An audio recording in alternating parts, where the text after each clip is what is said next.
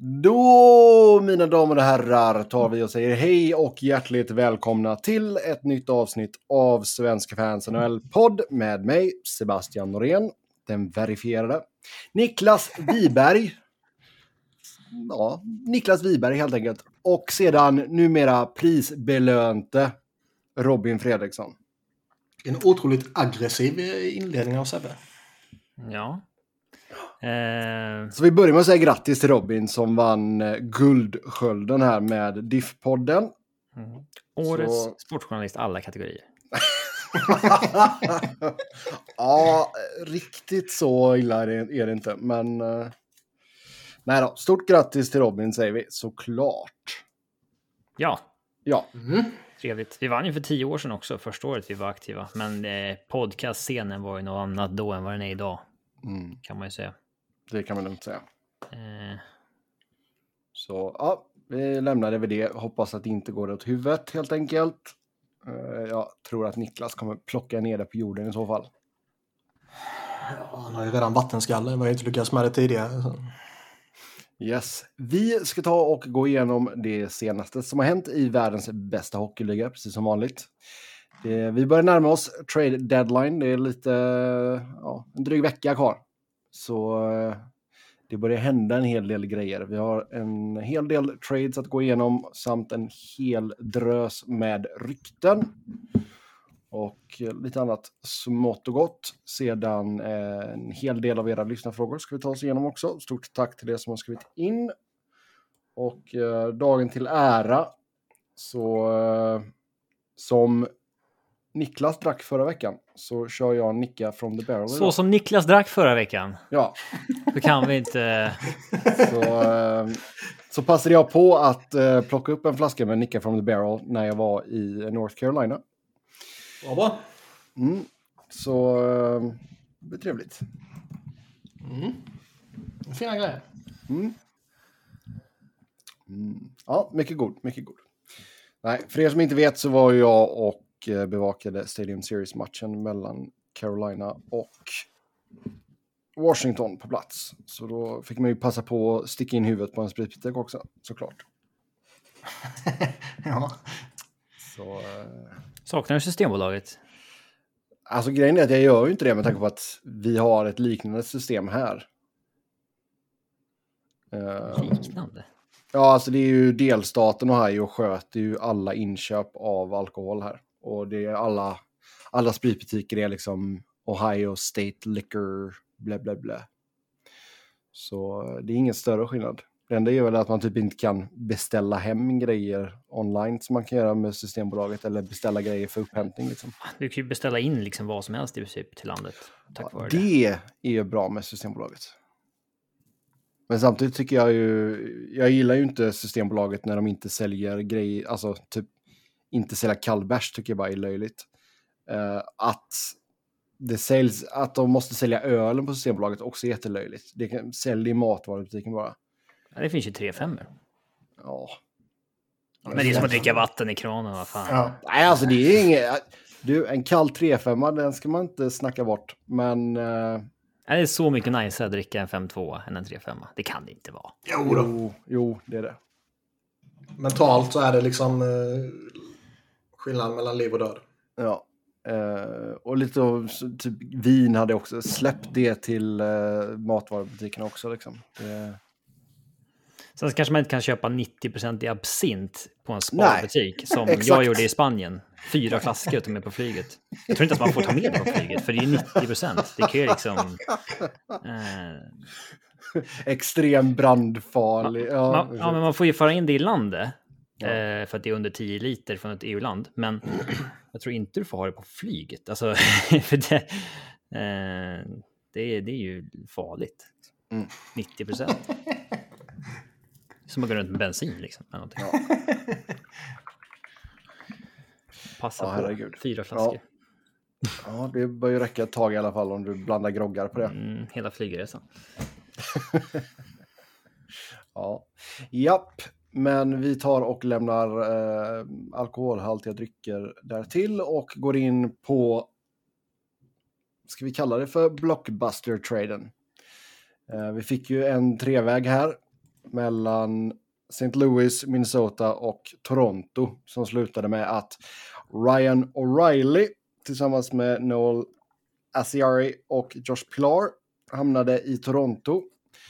Adam Gadet, Mikael Abramov, ett första val 2023, ett andra val 2024 och ett tredje rundsval 2023 gick till St. Louis. De behöll 50% av O'Reillys cap och sedan fick Minnesota ett fjärde val 2025 för att behålla ja, hälften av hälften, så 25% av O'Reillys cap. Så Toronto får alltså in O'Reilly på strax under 1,9 miljoner. Har man redan 12 miljoner i död cap så måste man ju ta på sig ytterligare nästan 2 miljoner. Det, det är ju självklart. Nej, alltså jag blev lite förvånad över att det var Minnesota som blev ja. Eh, en del i trevägen eller trekanten här. De har ju bara ramlat in i cap space helt plötsligt. Liksom. Trots att de har sån jäkla cap penalty på sig. Men... Mm. Ja, alltså det, jag hade mer förväntat mig att de skulle gå efter någon typ av rental. Med tanke på hur det ser ut kommande två säsongerna. Um.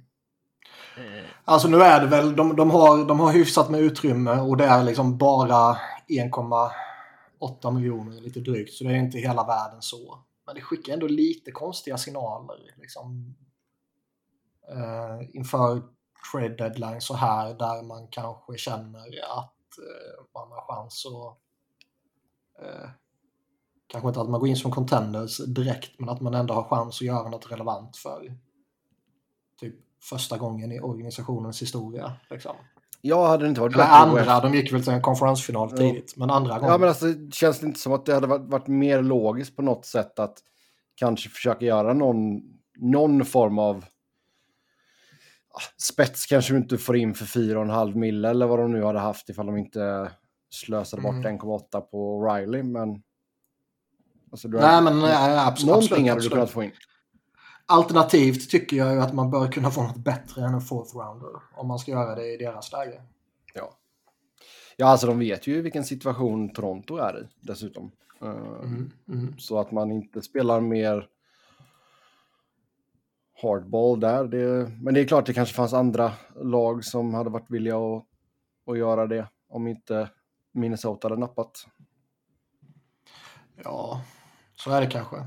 Jag tycker ändå att de liksom...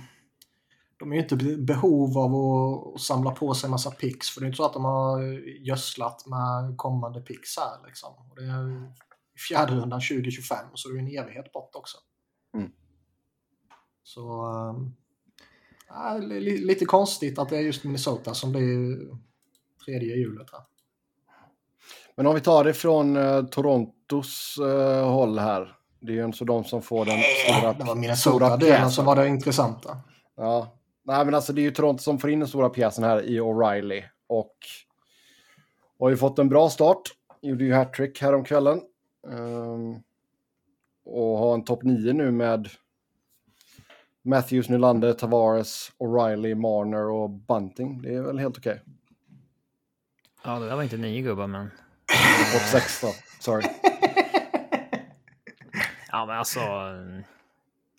O'Reilly är fortfarande en jättebra spelare. Mm. Så att eh, jag tycker att det är helt rätt att eh, Toronto ska gå för det. De kan inte låta liksom att eh, att de åkt ut i första rundan var någon sorts hinder. Att först ska vi döda det, det monstret, sen kan vi börja satsa för att vi, alltså. De är ju ett av ligans bästa lag. Det är klart att de ska gå för det, liksom. precis som de skulle gå. Precis som att det var rätt att gå för det i fjol också. Mm. Um, Dubas går väl dessutom lite för sitt jobb. Ja, ja alltså skulle de kontrakt. åka... Alltså åker de i första rundan igen, då ryker han kanske oavsett vad. Mm. Eh, även om han kanske inte borde göra det. Men... Nej, det kloka är väl att behålla honom. Jag tycker han är, är skarp. Men eh, som sagt, åker de i första rundan igen, även om det är mot Tampa, så eh, då kan man ju tycker att det kanske inte att det kan vara förståeligt om, om liksom Toronto tycker att nej, nu är du borta. Så att han går in och gör något stort sånt här är ju inte jättekonstigt. Mm. Sen var vi väl, vi pratade väl om det här att det var ett rykte förra veckan har jag för mig.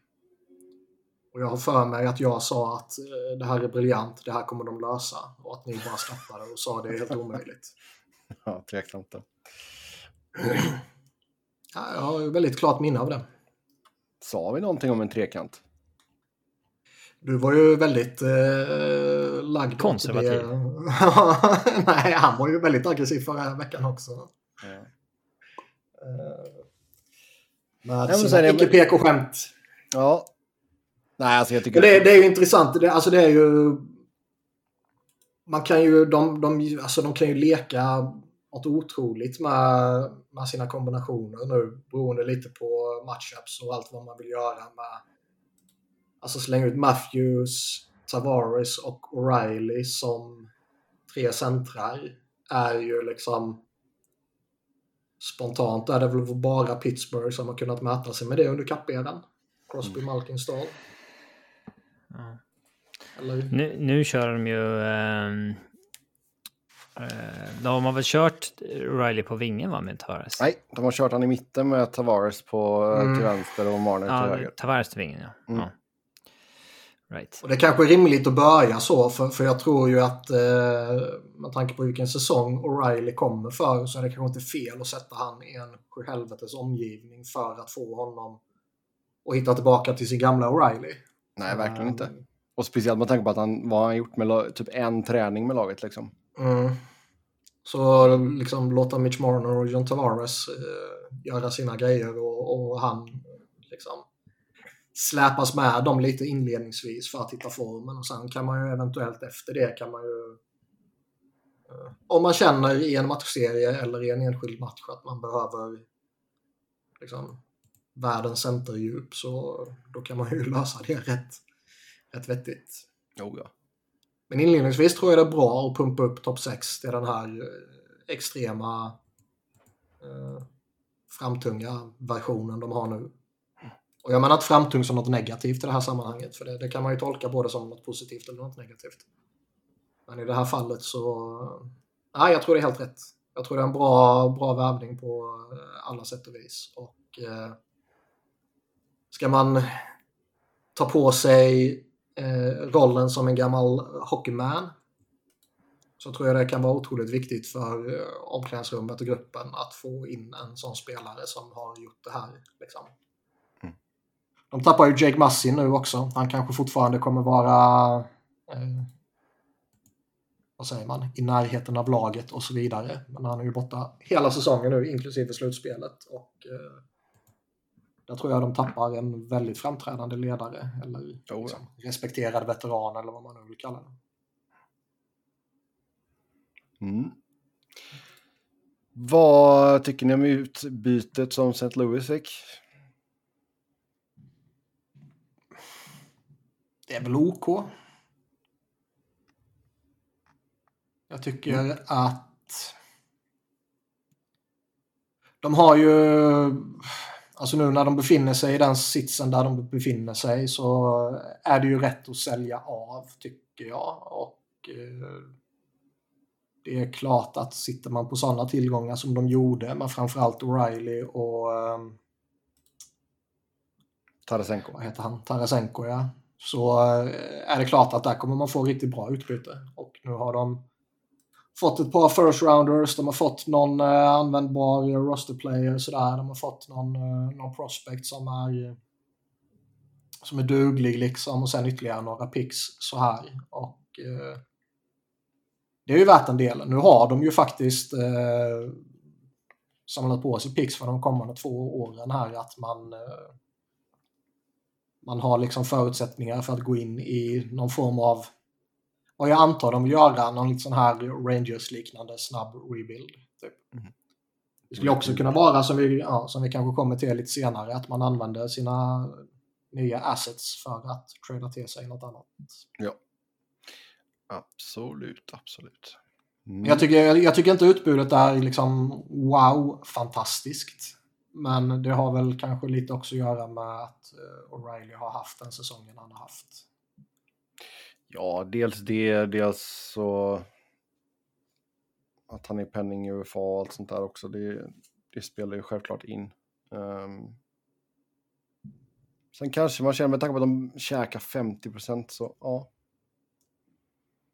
Kanske man skulle kunna klämt ut någonting mer, men det, det är vad det är. Nu har man fått det utbyte man har och man har i alla fall tre val i första rundan i den uppkommande draften om man inte då hittar på något annat.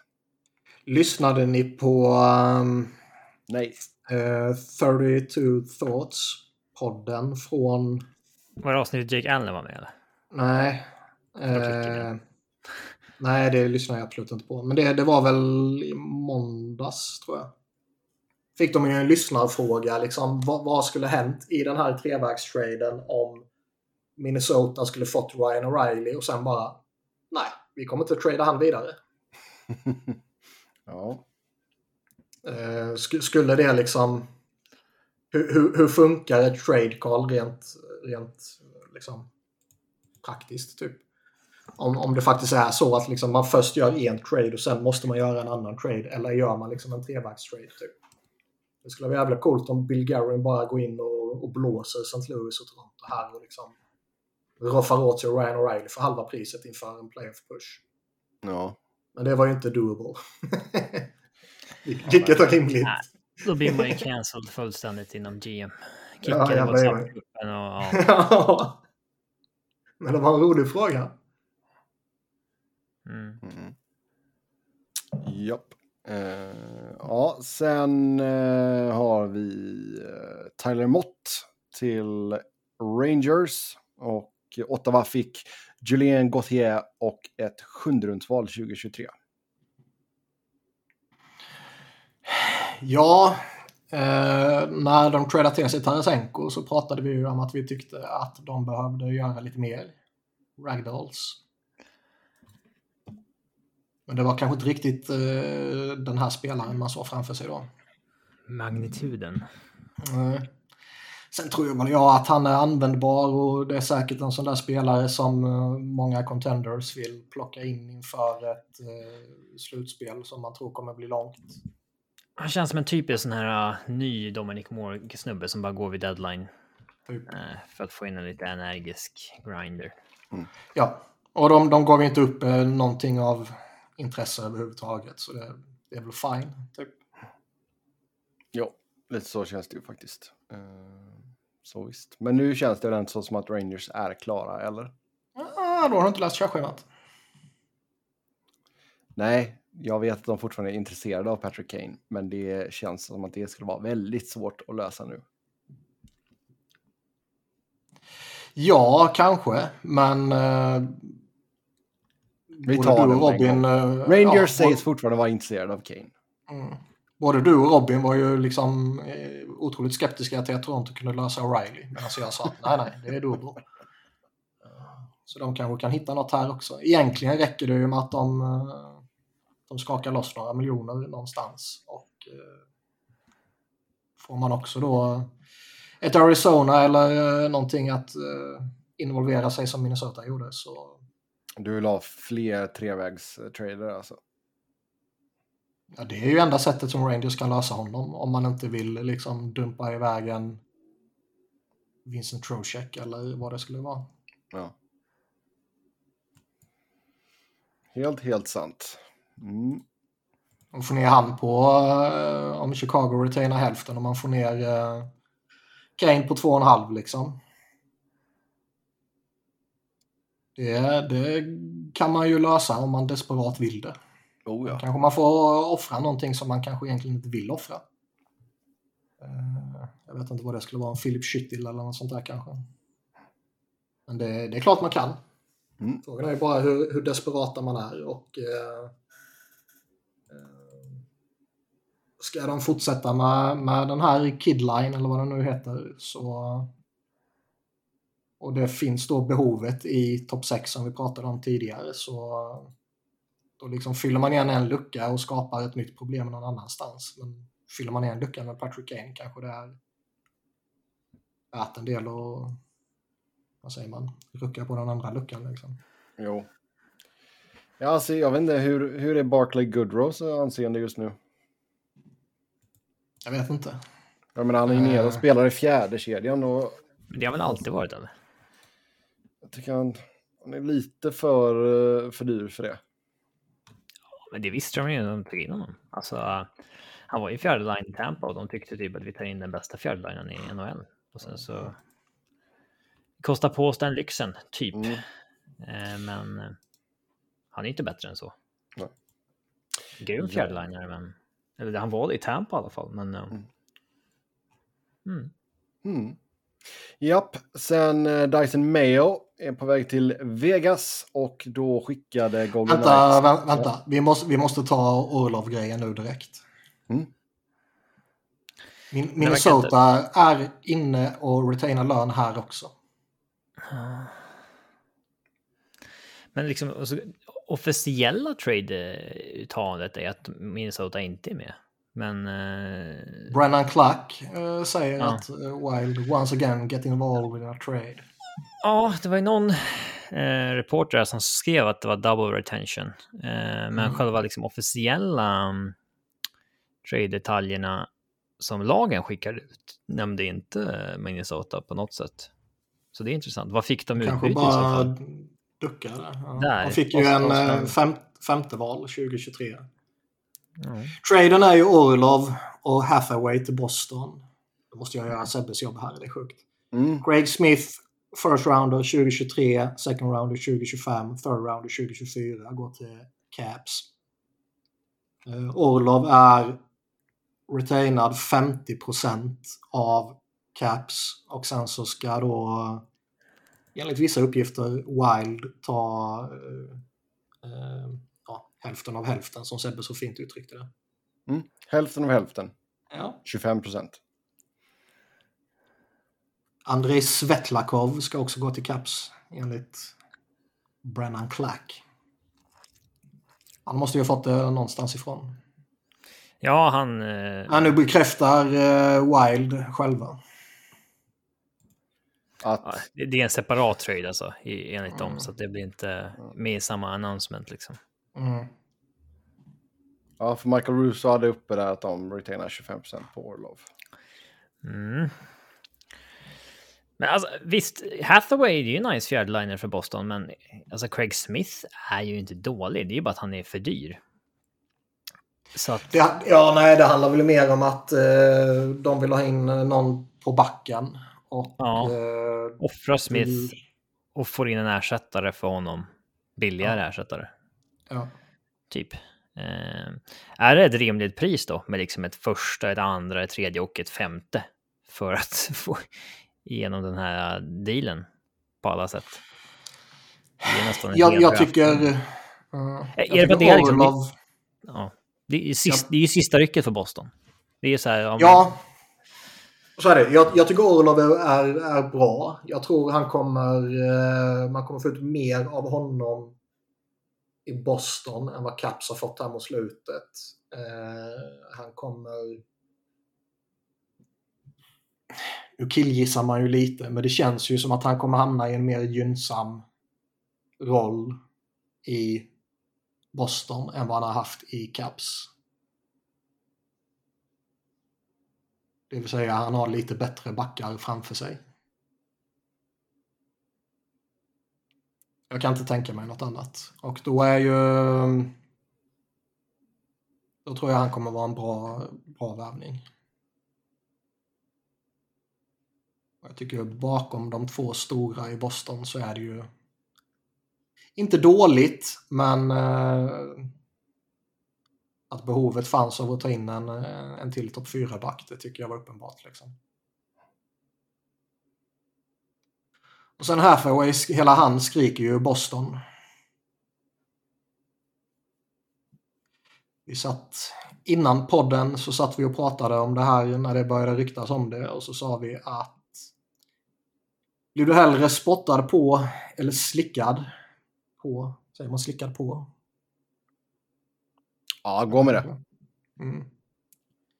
Så du hellre att någon spottar på dig eller slickar på dig? För det är ju de två eh, alternativen som finns i Boston nu. Och då sa vi alla att det var värre att bli spottad på, eller? Vi hade ju en liten eh, utläggning där liksom i, i slutändan är det ju exakt samma sak. Ja, om, det är, om man lägger till bli slickad på. Om du bara säger bli slickad, Då kan det ju vara Ja, en det trevlig kan... upplevelse. Alltså man själv får välja vart. Men ja. Hathaway har alltså en historik av att spotta på spelare va? mm. Eller historik, jag vet inte om det är mer än en gång. Och Martian slickar på spelare. Mm. Mm. Eh, ja. Deadly Tool, Intangibles. Alltså, det är det. Ja. Men återigen är är Minnesota inne och, och håller på alltså. Fan, det tycker Då har, än, då har de ännu mindre utrymme att eh, spetsa till med någonting. Mm. Så. Eller, eller har de liksom... Uh, börjar de känna att nej, vi är inget topp tre-lag och vi... eh, det kanske inte ens är säkert att vi tar oss till slutspel och då, då kan vi bara... Då behåller vi det vi har och så samlar vi på oss lite pix typ. Samtidigt konstiga signaler liksom både internt och externt när man vet att liksom man kommande åren kommer man ha en ännu värre kapp hellre än vad man redan har. Liksom. Konstigt i största allmänhet. Ja. Ja, den är... Den är konstig. Men, men. Ja, det var ju kul att det hände lite grejer här också. Um...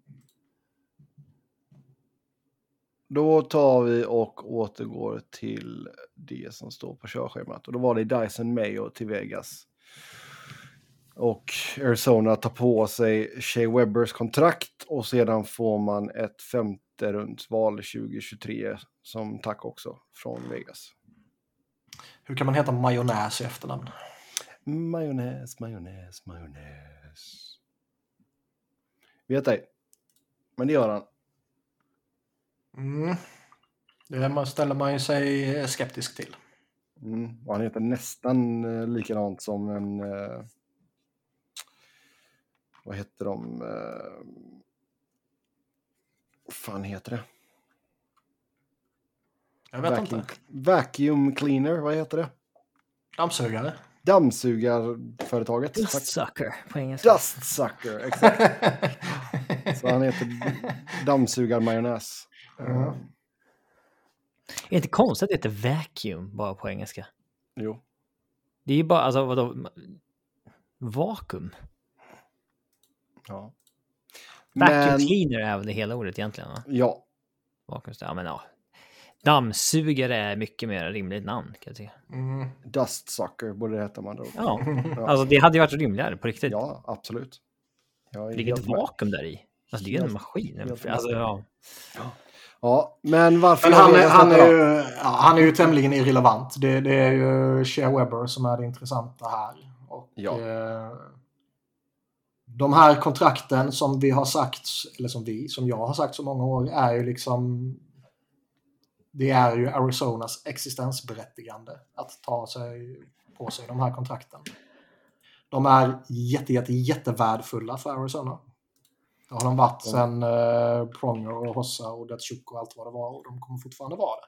Ja, jag tänkte säga Nu det. har de Moore. nästan 19 miljoner nu i uh, Webber, Ladd och Little.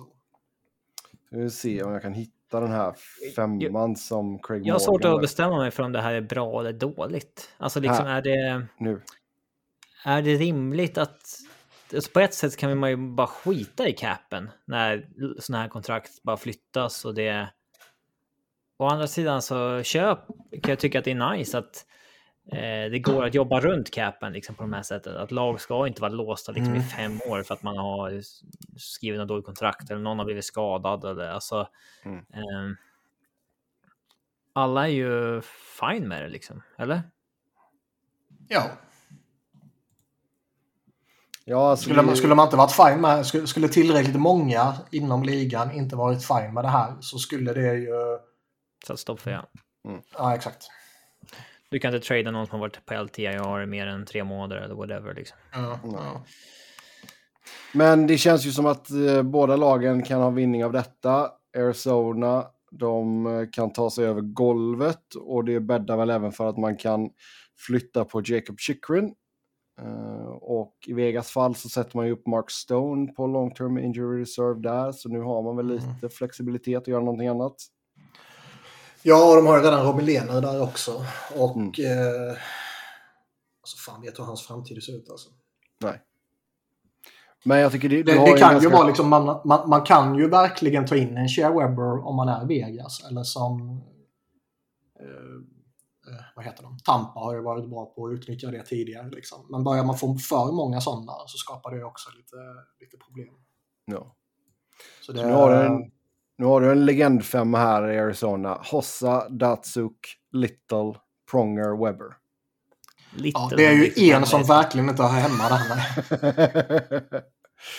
en är inte som de andra.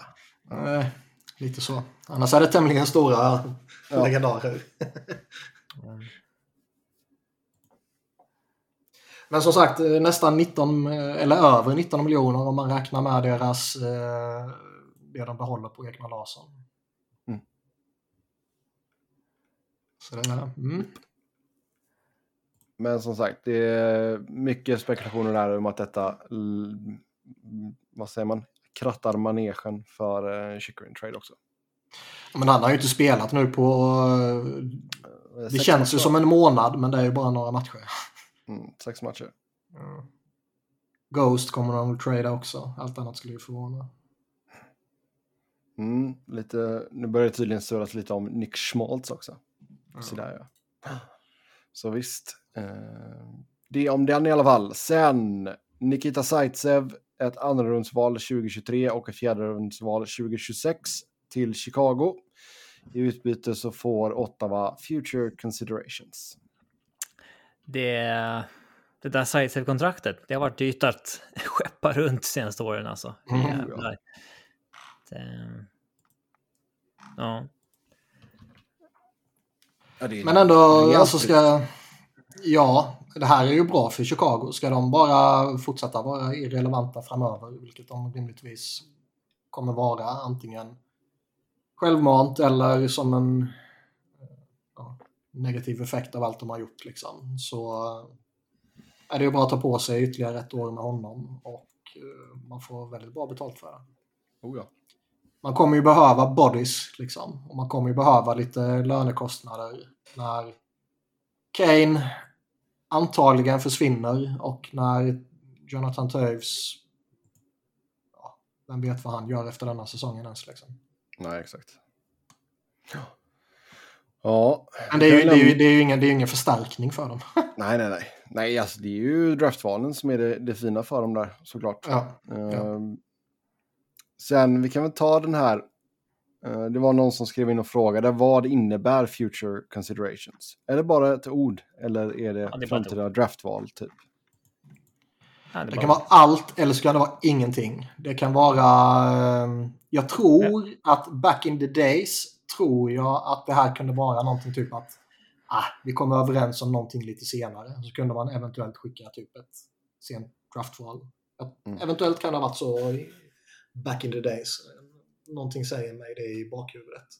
Men numera är det ju liksom antingen är det ju ingenting. Man, man, eh, man är medveten om att det här är ingenting. Vi får ingenting i utbyte.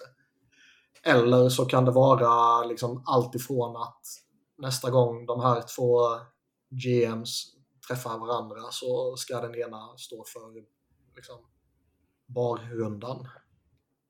Ja. Eller så ska de eh, bjuda på en middag eller bjuda på en golfrunda eller vad fan som helst. Liksom. Mm. Sen eh, Jonathan Taves nu är så inne på Chicago där. Så han har ju tagit bort sig själv från marknaden på grund av hans hälsoläge. Um, Lång-covid. Mm. Han verkar ha fått rätt stora problem. Ja. Jag trodde han hade löst det där. Han kom liksom tillbaks från det och sen så... Ja.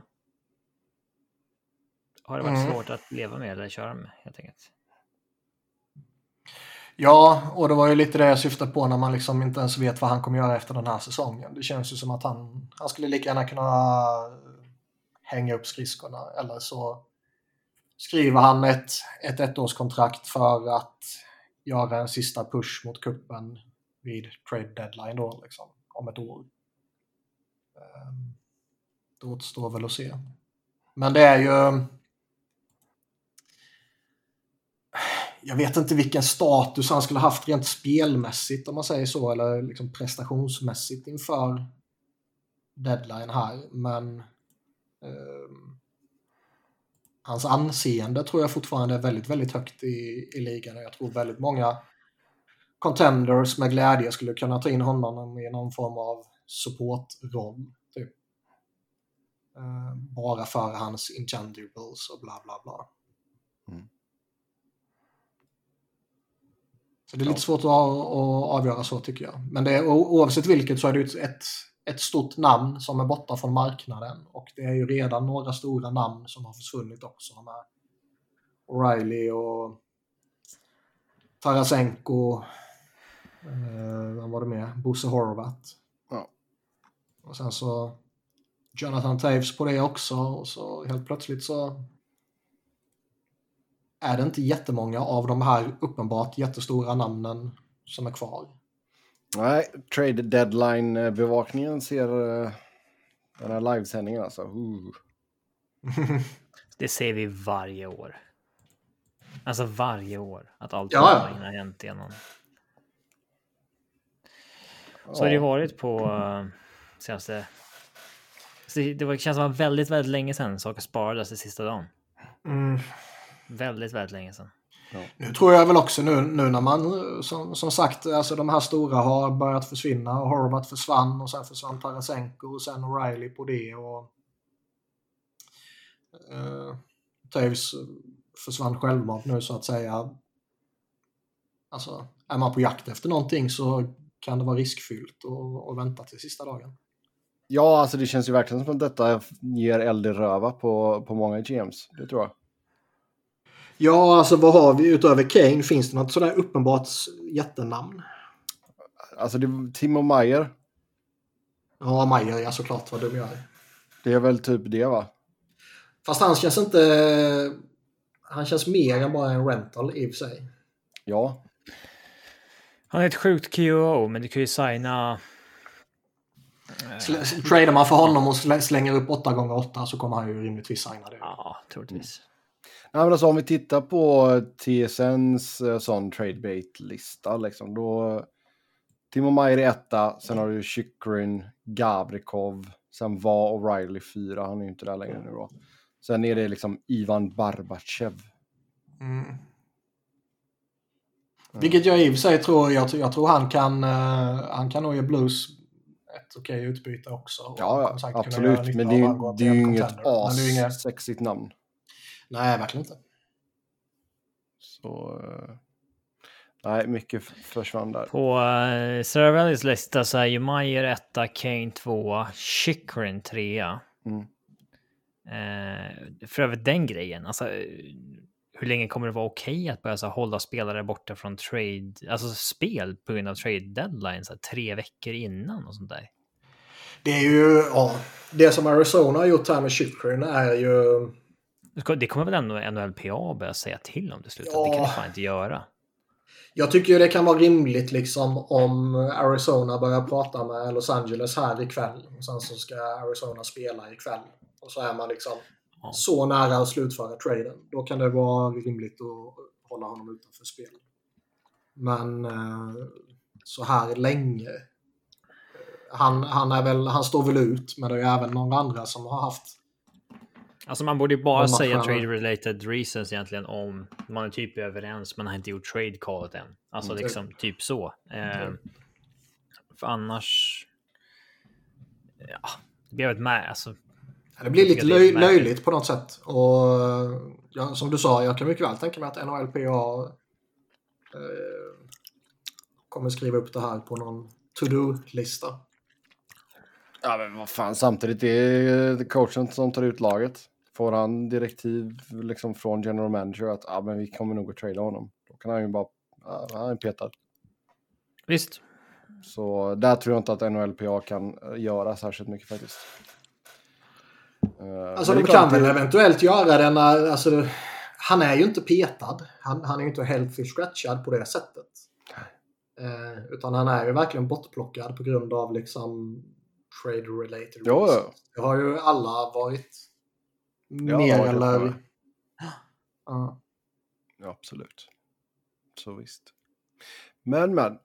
Ehm, jo. En av de här som är kvar då, det var ju Vladislav Gavrikov som hade kopplat samman med Boston. Nu känns väl den inte jättetrolig med tanke på att de precis plockade in Orlov. Nej, den borde vara död.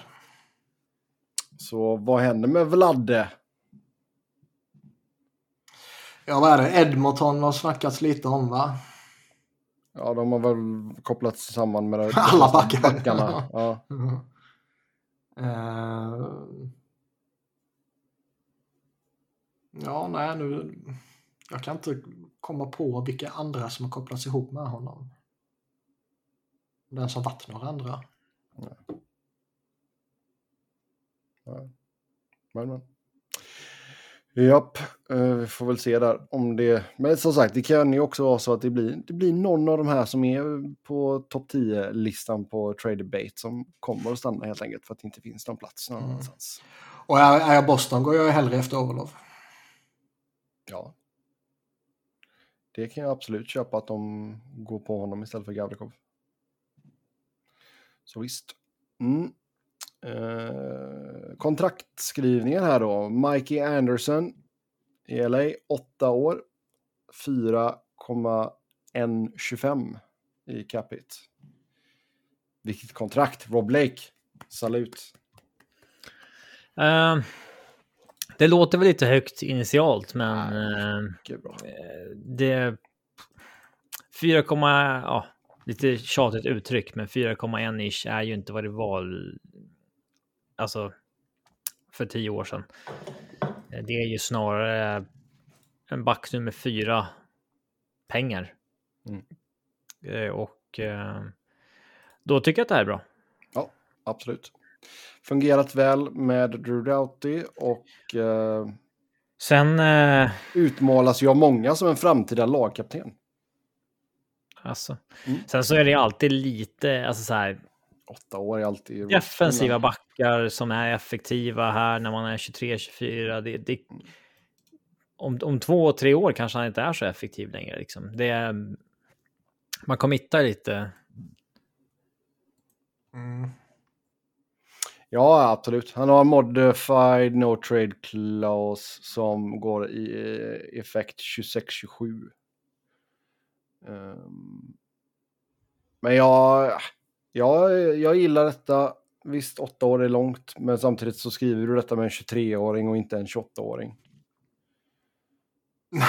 Nej, det är väl alltid bättre att skriva 18-årskontrakt med 23-åringar än Ja, 28-åringar. det är det verkligen.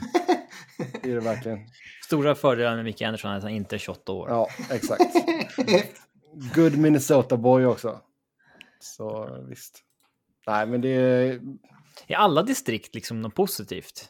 Alltså det, det är ingen som säger tyvärr så är det en Montana boy. Nej.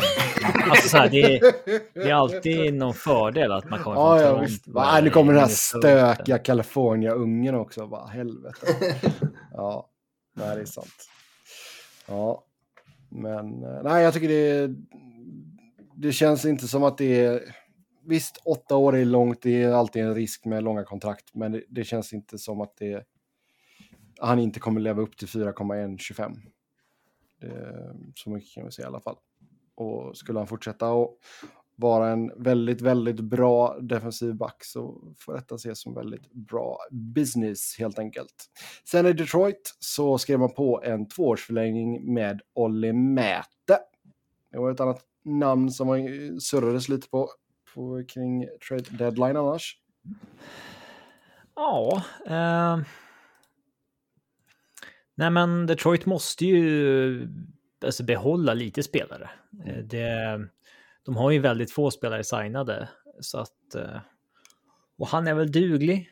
Han är ju Ja. inte vad folk trodde att han var när han kom fram där, men eh, han är väl duglig. Mm. Eh, De vill väl ha någon veteran i försvaret utöver Ben Sherratt. Så den kan man väl köpa då. Eh, Ottawa, man skickade bort Zaitsev där då. Eh, nu sägs man ha hört sig för angående Colton Pareko i St. Louis. Det känns ju i alla fall som, nu kanske inte blir just Pareko, men Ottawa har ju, de har ju varit på jakt efter backförstärkningar sedan i somras ju. Och det känns ju som att betalar man för att bli av med Zaitsev nu så borde det rimligtvis vara för att man har någonting annat på gång. Eller i alla fall vill göra något annat. Karlsson tillbaka till Ottawa. ja, tänk om. Pareko tycker jag... Jag var väldigt förtjust i honom för ett antal år sedan. Men... Uh, han, han är skadad som... Mm, han har gått ner sig. Honom. Alltså. Ja. Nu är han ju på första året på den här massiva kontraktsförlängningen han fick. Kommer snart vara 30 bast. Jag skulle fan vara lite skraj för att trada för honom alltså. Det känns som att det är um, rätt många varningsklockor som ringer för honom framöver. Kanske inte de närmsta två, tre åren, men... Ja, men han har kontrakt över 29-30. Ja, exakt. Ja, jag skulle vara väldigt skeptisk till det här alltså. Uh, och lite tråkigt för den, den potentialen jag tycker han visade upp sina första år i, i ligan. Det kändes som att han verkligen kunde bli en, en riktigt offensiv kraftspelare med en jävla fysik också.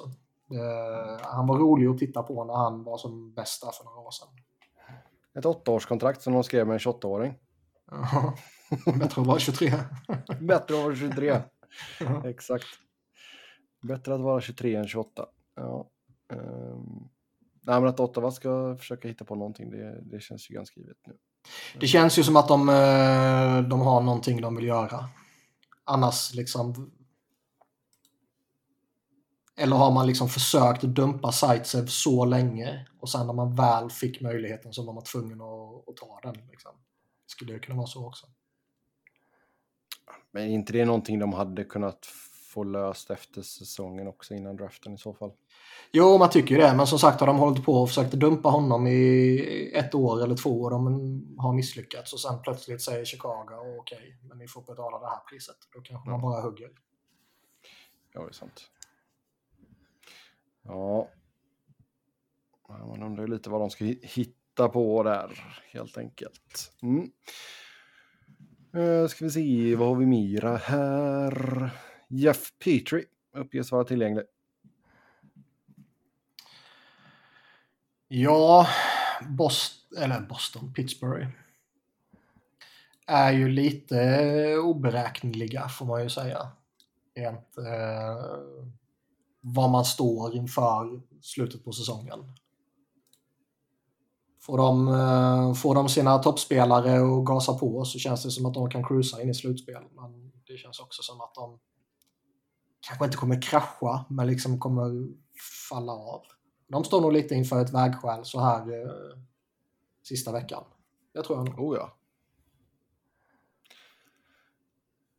Ja, alltså visst nu har de ju, eh, vad har de, fyra matcher till godo på Florida just nu. Ligger en poäng bakom för andra wildcard-platsen i Eastern.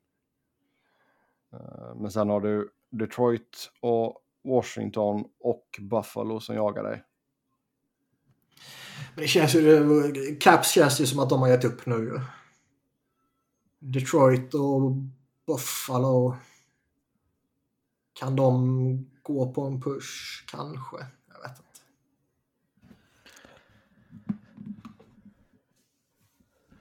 Ja, ja nej, jag tycker det är, det är lite vidöppet för, för Pittsburgh på, på ett sätt och sen samtidigt så är man lite skeptisk. Jag vet inte. Jag tycker de är svåra. Alltså det är ju i alla fall kul ifall, alltså om vi har det här racet. Vi får väl hoppas att vi har det här racet ända in i slutet för, för wildcard. Ja, det är så man vill ha. Det, det är skittråkigt som det var eh, ja, det var förra året när alla åtta slutspelslagen var klara med typ tio matcher kvar. Ja, mm. Då blir det ju verkligen bara en tråkig transportsträcka. Så det är klart man vill att det ska leva in i, i sista omgången. 09-10, Philly mot uh, Rangers i sista 82 eh, matchen och vinnaren av den matchen tar den sista slutspelsplatsen. Ja. Det är sånt man vill se. Det har gått fort, vi har bara en fjärdedel kvar. Mm. Det... Men kul, kul eh, roligt med race där i alla fall. Skiljer ju sju poäng mellan Buffalo och New York Islanders som har den första wildcard-platsen. Fyra poäng mellan Florida och ner till Buffalo. Så det är en hand, handfull lag där. Kul vad Nick Mercadante gillar att eh, trolla på Twitter. Eftersom han är verified från förr Mm. och har ganska många hockeyföljare så tycker han att det är kul att hitta på. Nu skriver han liksom My source is telling me that Patrick Kane to the Rangers is a confirmed deal. När det inte är det. Ja, Men det får ju snurr eftersom han är verifierad och twittrare. ja. Mm. Han gjorde väl något liknande förra året som var något stort om Toronto, tror jag. Nu när du säger det så låter det bekant ja. Ja.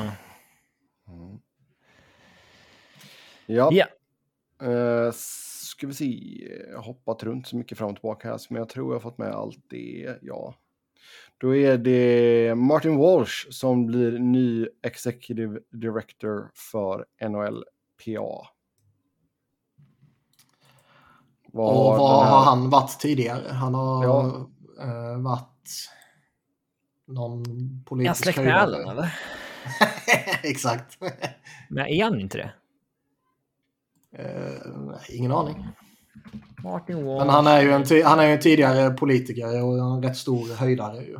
Ja, United States Secretary of Labour. Ja. Arbetsmarknadsminister. Mm, han ser min ministeraktig ut här.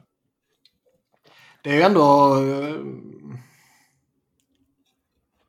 Det är ju ändå anmärkningsvärt att man får liksom, jag vet inte om arbetsmarknadsminister, om det är liksom crème de la crème. Men man får ändå, man rekryterar ändå en minister. Liksom. De har ju någon jävla transportminister också, han Pete Buttigieg, eller vad heter han? Som är ganska Ja, vettig vet snubbe. Men det finns många låtsasministrar. Men det som är intressant här är ju att han har ju varit borgmästare i Boston. Och då fick han ju tydligen rätt eh, stora donationer från eh, vad heter Bruins ägare, den gamla gubben? Nu tappar jag namnet. Ja, det är inte en susning om alltså. Eh, jo, den gamle gubben. Han heter ju... Jeremy Jacobs. Jacobs, ja. Han ska ha fått rätt stora donationer från honom och jag har för mig det var någon annan eh, ägare som han hade någon, någon sorts relation till också.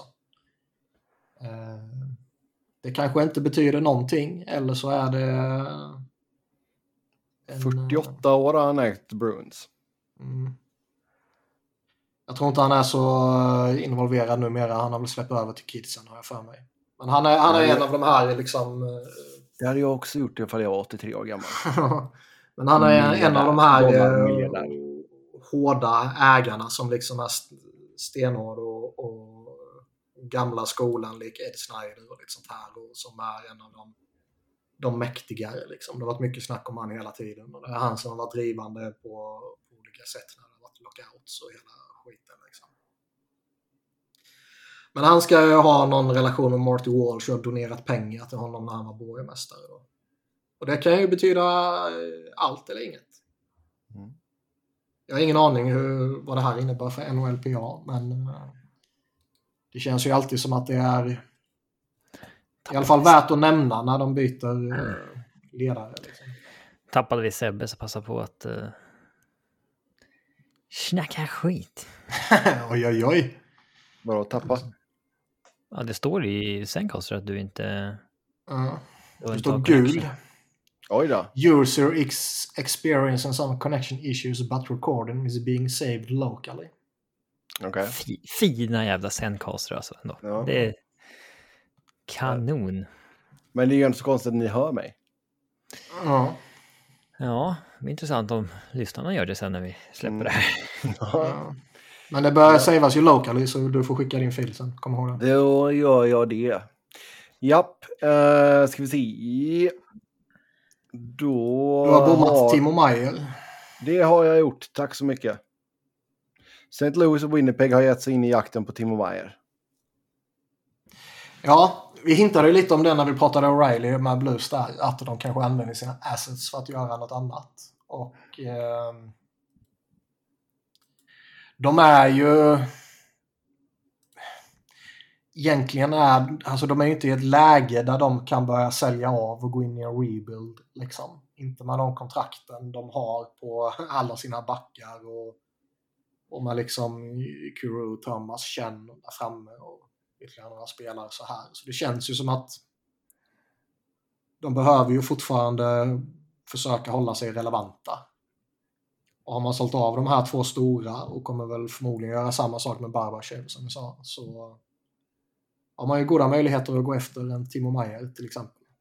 Mm. Och det tror jag skulle vara väldigt intressant för dem. Du, en sån här sjuk sidospårgrej bara. Men Blue Jackets kör ju Star Wars Night i natt. Eller ikväll. För deras match. Mm. Varför kör man det nu den 23 februari? Är ju frågan. För att det, det inte spelas när det är May the 4th. Nej, men jag tänker, får de ta det kanske sista hemmamatchen då? Därför då är det Antingen är det May the 4th eller så spelar det ingen roll. Ja. ja. ja. Det var en rolig bild här. Jeff Svobodas med Jackets Insider. Eh, två stormtroopers och så not known for their shooting percentage. Mm. Nu säger uh, Rangers working hard to acquire Patrick Kane. E4 enligt Eklund. Mm. Då är det på riktigt. Uh, Rangers tweetar ut att Vitili Kravtsov och Jake Shishin, uh, will not be available to play tonight due to roster management reasons. Oh. så minsta lilla grej nu blir ju så jäkla uppförstorat. Oh, ja. Uh, så. Men det vore ändå, man måste säga ändå, alltså det är ju coolt som fan om man går in eller om man tar in både Tarasenko och Kane. Det är fan att loada upp. Mm. Det är en huge load. det är det verkligen.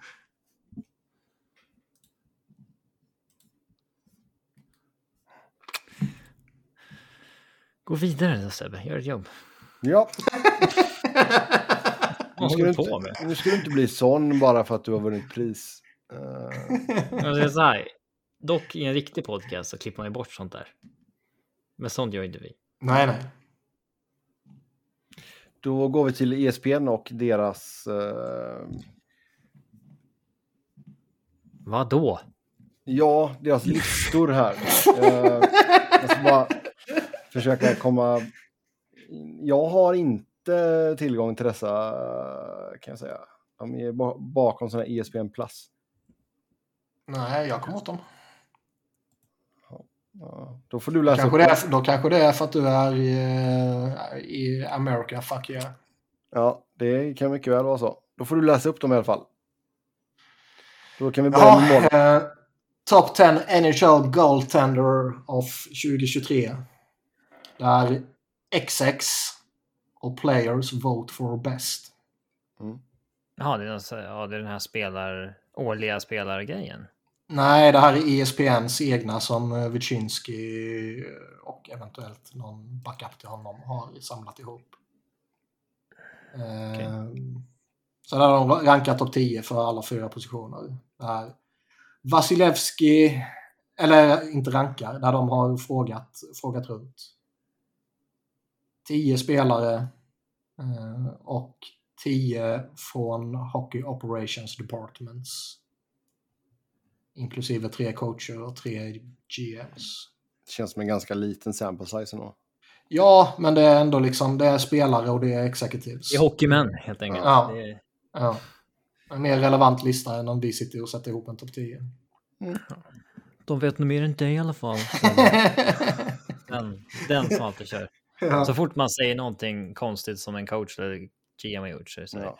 jag tror att de vet mer om dig. Så, ja, men alla gör ju fel.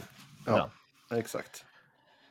Men denna, denna säsongen är alltså Vasilevski ansedd etta. Shesterkin... Men har de specifikt frågat vem har varit bäst i år? Ja, det verkar som att det är liksom här och nu. Ja. Och inte något, eh, någon större bild bäst? sådär. Nej. Ja. Eh, Vasilevski som sagt, sen Storken, sen Connor Helleback trea, fyra Sorokin, Jake Ottinger femma. På sjätte plats Jussi Saros. Och sen kommer Linus Ullmark sjua, Jakob Markström åtta. Stort glapp mellan 7 och 8 ska sägas. Mm. Nia kommer John Gibson. Och sen 10 Carter Hart. Det är helt otroligt att John Gibson fortfarande har det anseendet. Det är ju det, ja, vi har ändå sagt det många gånger nu liksom att Det är nya Jonathan Quick ju. ja, de kan, alltså vill de bli av med honom så, så kan de bli av med honom. För han har fortfarande ett anseende där ute liksom. Och nu vet Ja, man väl liksom- inte, det, det, var, det var tre GMs med här och det, det behöver ju inte betyda att alla tre röstade på honom på något sätt. Liksom. Alla kan ju nobba honom som sagt. Men eh, Det här är ju... Det, citatet här om John Gibson från eh, Long Time Executive. Det är väldigt hockeymän-aktigt citat. Every time I have watched him I came away thinking I'm not sure this guy can make a big save when it actually matters. Det är så jävla diffust och liksom ogrundat och bara en känsla, ingenting annat. Han kommer inte göra en avgörande räddning när det krävs. mm. Som att han inte har gjort det någon gång. Nej, och liksom hur, hur många målvakter kan man säga om att jag vet han kommer göra en avgörande räddning när det krävs? Nej. Fem genom historien liksom. Är, det, är det någon här som är lite recency bias så är det väl kanske Sorokin. Alltså att han är så pass högt. Det är ju för att han gör en magisk säsong i år. Mm. Ullmark får man väl säga lite också. Ja, men samtidigt både Ullmark och Sorokin har ju varit bra. De hade snarare en dipp i fjol kanske. Mm. Mm. Hellerback har väl eh, kommit tillbaka rätt starkt också. Ja, men det, ja, han är ju. Men han ska Ja. väl vara topp 3, topp 5. Ja, det ska han. Uh, annars är det är ju Gibson som står ut. Jag såg att när, när han släppte den här för typ en vecka sedan eller vad det var så var det ju några som reagerade över Carter Hart också. Men han har varit genuint jättebra denna säsongen.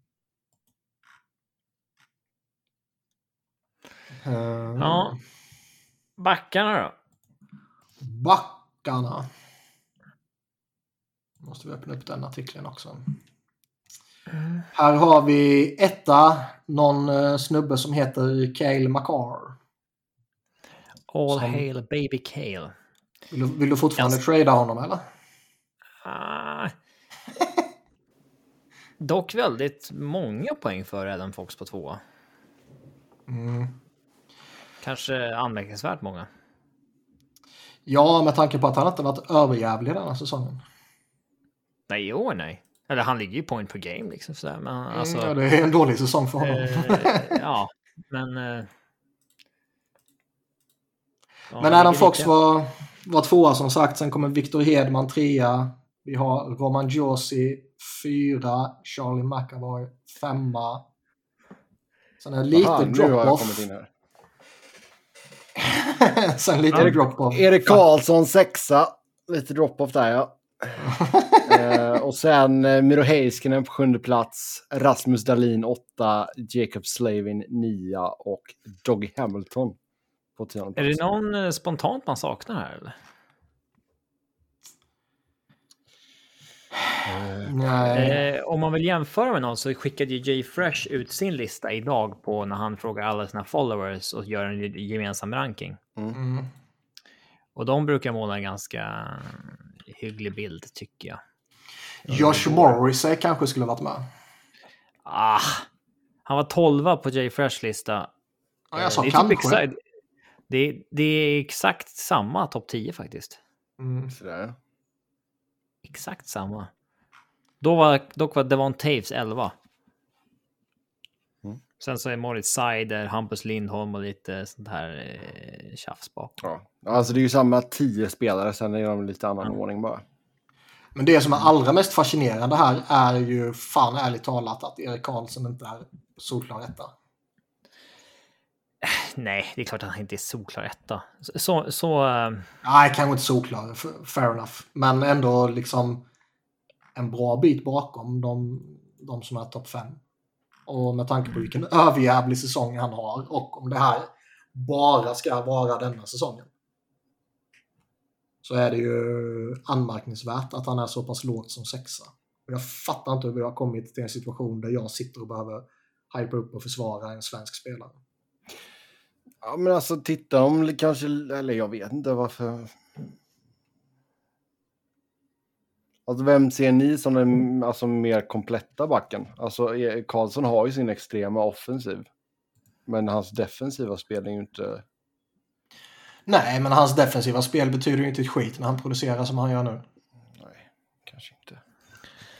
Visst är ju Adam Fox och eh, McCar och Hedman till viss del alltså kom kompletta tvåvägsbackar. Och även McAvoy. McAvoy saknar mm. lite offensiv, Josi saknar en hel del defensiv. Um, så de under topp tre är ju mera extremer åt ett eller annat håll. Även Miro Heiskanen, han har ju inte offensiven. Mm. Och inte Slaven. Mm. Dahlin är väl den bästa tvåvägsbacken bakom det här. Han, hans defensiv ligger väl lite efter, men jag tror att han kommer eh, sätta upp bra defensiva siffror inom kort. Oh ja. Ja. Ska vi gå till wingers då? Mm. Ja, vi tar swingers. Då har vi eh, plats ett, David Pasternak. Sen har vi tvåa Nikita Kucherov, trea Kirill Kaprizov, fyra Mitch Marner, femma Mikko Rantanen, sexa Brad Marchand, sjua Artim Panarin, 8 Matthew Kachuk, 9 Jason Robertson, 10 Alexander Ovechkin. Det jag reagerar här på är väl kanske Panarin. Alltså. Är han fortfarande en topp 10 winger i ligan? Mm, det jag reagerar över är nästan att Jason Robertson är lite eh, långt ner. Långt ner. Vad har Men här är det mycket tuffare konkurrens. Ja, jag tänkte säga om vi tar och jämför det här med uh, Jay Fresh-listan. Han har ju separerat left-wingers och right-wingers. Att... Ja, okej. Okay. Ja. Den blir lite stökigare. Men Panarin är ju mm. tvåa där bland left-wingers. Mm. Han har visserligen haft lite revival-år, men ja, det är väl det då. Han är fortfarande bra, det är inget, det är inget snack om det, men... Mm. Nej, men liksom, du har ju ganska många, det är väl... Uh, ska vi se här. Pasnak fick 161 poäng. Uh, Kutjerov 141, Kaprizov och Marner 128. Sen var det ner till 96 poäng för Rantanen och Panarin har 76 på poäng som sjua. Liksom, så det är ett ganska långt hack ner där. Mm. Men uh, borde vi visa mer löv för Jason Robertson? Ja, som sagt, jag tycker han är kanske ja, här listan. lite långt ner, ja. Mm. Men han är väl kanske också... Topp tre left-winger skulle jag säga ändå. Ja, men han kanske också, jag vet inte, han, han är inte lika... Det känns som att alla de andra är mycket större profiler på något sätt. Ja. Liksom Pasternak med... Han är väl uppenbar etta denna säsongen tycker jag. Och sen Kutjerov har ju, han har gjort allt han har gjort. Liksom. Kaprizov är ju... Bär ju Minnesota. Ja, Mitch Marner nu när han har den här säsongen i Toronto så är det klart han kommer liksom hamna högt upp. Rantanen är ju tämligen självklar där också. Marchand är Marchand. Panarin är ju liksom jättenamn egentligen. Matthew Tashak efter traden som ändå har eh, i alla fall individuellt gjort dundersuccé ju. Känns inte som att Jason Robertson är lika eh, profilstark. Liksom. Och det har ju ingenting att göra med om han, liksom, hans prestationer som spelare. Så jag tycker som sagt han är... Har det med hans etnicitet att göra? jag vet inte. Men... men uh... Det är väldigt få asiater i NHL. Mm. Han är en av dem. Det borde snarare gå att bygga någonting kring. Mm. Men jag menar, det känns som det är någonting som liksom... Han är fortfarande lite anonym på något sätt. Ja. Han är ju inte en dåre som Kachuk heller. Nej. Som far och flänger och liksom eh, i ansiktet på folk till höger och vänster. Nej, liksom jag tycker spontant sådär liksom man... Man ser inte att han är på någon highlight reel på liksom bli viral eller något sånt där. Nej. Han är bara bra utav helvete. Ja. Eh, då tar vi centrarna också. Då har vi etta, Connor McDavid. Ah, Han eh, var ett... det Så var- såg du vad Rangers skrev? Att Nej. Kravtsov och in- inte kommer spela av roster management Ja, men det sa jag ju för fan. Ja. Jag sa att det var det som var rubriceringen. Ja, Roster management. det, han vinner ett pris och sen så bara han svär det där på målen. Alltså det är så jävla typiskt. De här jävla divorna alltså. Eh, McDavid var etta för samtliga som var med i den här eh, undersökningen. Eh, så 200 poäng, full pott. Listan Tvåa. börjar ju bakom honom. Ja, tvåa Austin Matthews, trea Nathan McKinnon, fyra Sidney Crosby, femma Leon Draisaitl, sexa Alexander Barkov, sjua Braden Point, åtta Jack Hughes, nia Patrice Bergeron och tia Tage Thomson. Ehm, man får väl säga att det är väldigt imponerande av Crosby att fortfarande hänga sig kvar. Herregud. Jag ska säga så här, det känns lite... Att McKinnon är så högt på mångas listor. Det finns ju till och med någon enstaka Avs-fan som hävdar att han är bättre än liksom McDavid och så vidare. Det känns lite som den nya Jonathan Taves-grejen. Bara för att han spelar i laget som går bäst, typ.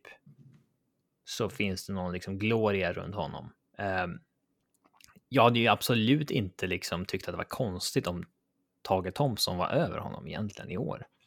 Nej, jag var på väg att säga det. Om man bara tittar på just denna säsongen så ska ju Tage vara högre upp än 10. Alltså McKinnon har inte gjort så mycket mål i år. Alltså. Det brukar vara lite recency bias här, men McKinnon har 19 baljer. Det är ganska många som har fler än det.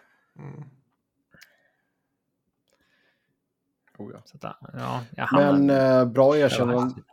Man får ju säga bra erkännanden då för eh, Hughes som tar sig in på plats åtta. Ja, han är bra. Han är bra. Mm. Eh, Men annars är det ju lite, det är, det är, det är en liten crapshoot bakom um, McDavid. Det är ju lite föredrar man Matthews eller McKinnon eller Crosby eller Tage eller Dreisaitl. Alltså det, Gör man den här listan i, idag så ser den ut på det här sättet. Gör man det för tre månader sedan så ser den förmodligen ut på ett helt annat sätt. Japp, japp, japp. Men eh, ja. Bra av Edmonton. Mm, Två i topp fem. Det är alltid något. Får vi se hur Mhm. långt det räcker. Just nu ligger Edmonton på första wildcard-platsen i Western. Inte riktigt samma race där som det är i Eastern. Eastern tycker jag ju, det har vi väl pratat om tidigare, känns ju generellt otroligt mycket starkare. Ja. Oh, ja. Ja, det kommer bli ett bloodbath där. Mm. Sen så kommer Så kommer laget från Western in och bara ja, tack för det. ja, man skadeskjutet eh, lag i, i finalen. Ja, Så kan det bli känns det så kan det bli. Oh, ja. Mm. Ja, då eh, ska vi se här. Vill vi köra någon tävling? Har vi någonting som är förberett? Jag har inget preppat. Eller ska vi ta någonting på uppstuds eh, som vanligt? Då tar vi något på uppstuds helt enkelt. Då ska ni berätta för mig vilka spelare genom åren som Som har vunnit i den här podden. som har vunnit Calder Memorial Trophy. Calder Trophy. Eh, första året den gavs ut var 1933. Ja. Niklas börjar för han är bonuspoäng om ni tar den i, eh, i, års, eh, i ordning så att säga. Från 1933 och framåt. Ja, börja där ja. Du har inte sagt någonting om att man inte får använda ChatGPT va? Det är, man, man får Ja, bara det, är det, det är det nya ja. Ja. Anv- Använda AI. Ja. Får inte googla. Nej då. Nej då. Mm. Ehm, Kommer du på någon? jag satt, sitter och funderar på vem fan vann förra året. Jag kan för mitt liv inte komma på det. Men eh, det mest självklara och det mest patetiska är ju Panarin. Ja, Panarin, han vann 2016 som 20, var han 26, 27. Ja, det var ju sista året man fick vinna, 26. Ja. Och de ändrade till 26. Efter att Sergej Makarov vann som 31-åring.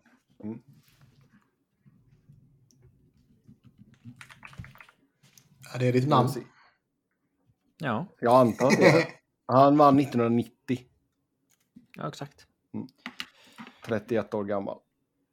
Så han är den äldsta spelaren som har vunnit. Mm.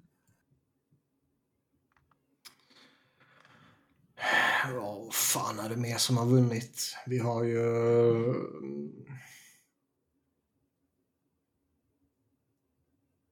Cale Makar vann väl? Cale McCarr vann 2020.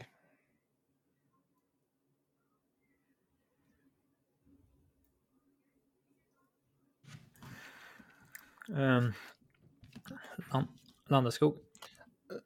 Landeskog vann 2012. Eh, ja. Visst var han Foppa? Peter Forsberg vann 1995. Visst fan vann uh, McKinnon? McKinnon vann 2014. Fan vad många Colorado-spelare. Ja. Men vad har vi? Han vann ju aldrig.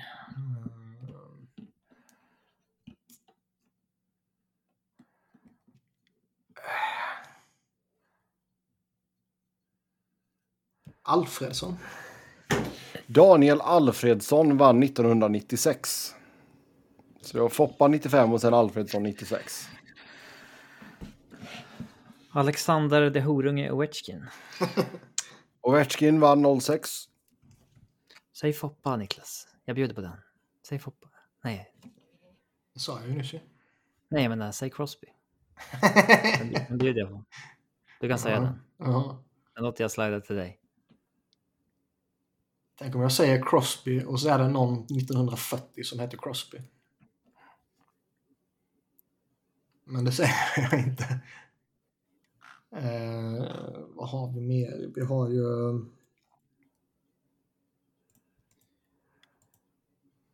Eh, cellerna kommer ju in ju. Teemu Sellene 1993 för Winnipeg. Hur många mål gjorde han den säsongen Niklas? Kommer du ihåg det? 72, 76. Någon av de två är det. 76 eller 72? Ska vi se lite snabbt om jag kan få fram det. Det var så många som 76. Mm. Vad hade han för shooting percentage då? Det vet jag inte. Det står inte med på Fan, Wikipedia. fanns det ens på den tiden? Men Då var mål bara mål. ja. Nu är det fan vad allt de kallar det. Ehm, visst fan vann Steve Mason? Mm. Eller var han bara nominerad? Steve Nej, Mason vann 09. Ja. Nu har jag ju ett namn kvar. Och det är ju eventuellt ett sånt där namn som eh, man kan sitta på om man ska slänga ur sig några andra namn. Som kanske är lite eh, större stjärnor. Men vad fan skulle det kunna vara för namn? Ska vi se. Vi har 20, 22, 21, 19, 18, 17, 15. Det börjar bli allt svårare att komma ihåg så här nyliga grejer. 11, Det 10, hjälper mig ingenting att höra att de är 08. tillgängliga. Liksom. 04. Kaprizov fick ju. Kirill Kaprizov vann 2021.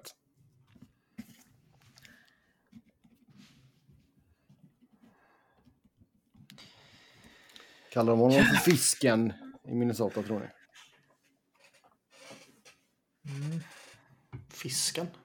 Ja, det låter ju som krill. ja. Tack, tack. Jag uppskattar det lilla chuckle där. Tack. Eh, Ibland skrattar man åt saker som inte är roliga. Ja, det, jag, tror att jag, jag tror att Jagr vann Calder första året. Du tror att Jaromir Jagr vann första året. Det, min eh, prisvinnande vän, är fel. Jaså? Eh. Fan. Alltså alla de här liksom nyliga, de börjar bli så mera, de börjar bli så allt mer irrelevanta att man inte lägger det på minnet liksom. Mm. Ska vi se, han kom in den säsongen. Då måste jag dubbelkolla vem som vann. Jaha, okej, okay, han vann då. Okay. Vann Tyler Myers sitt år när han var bra där? Eller var han komma tvåa? Är Tyler Myers ditt svar? Ja. Ja, Tyler Myers vann 2010. ja.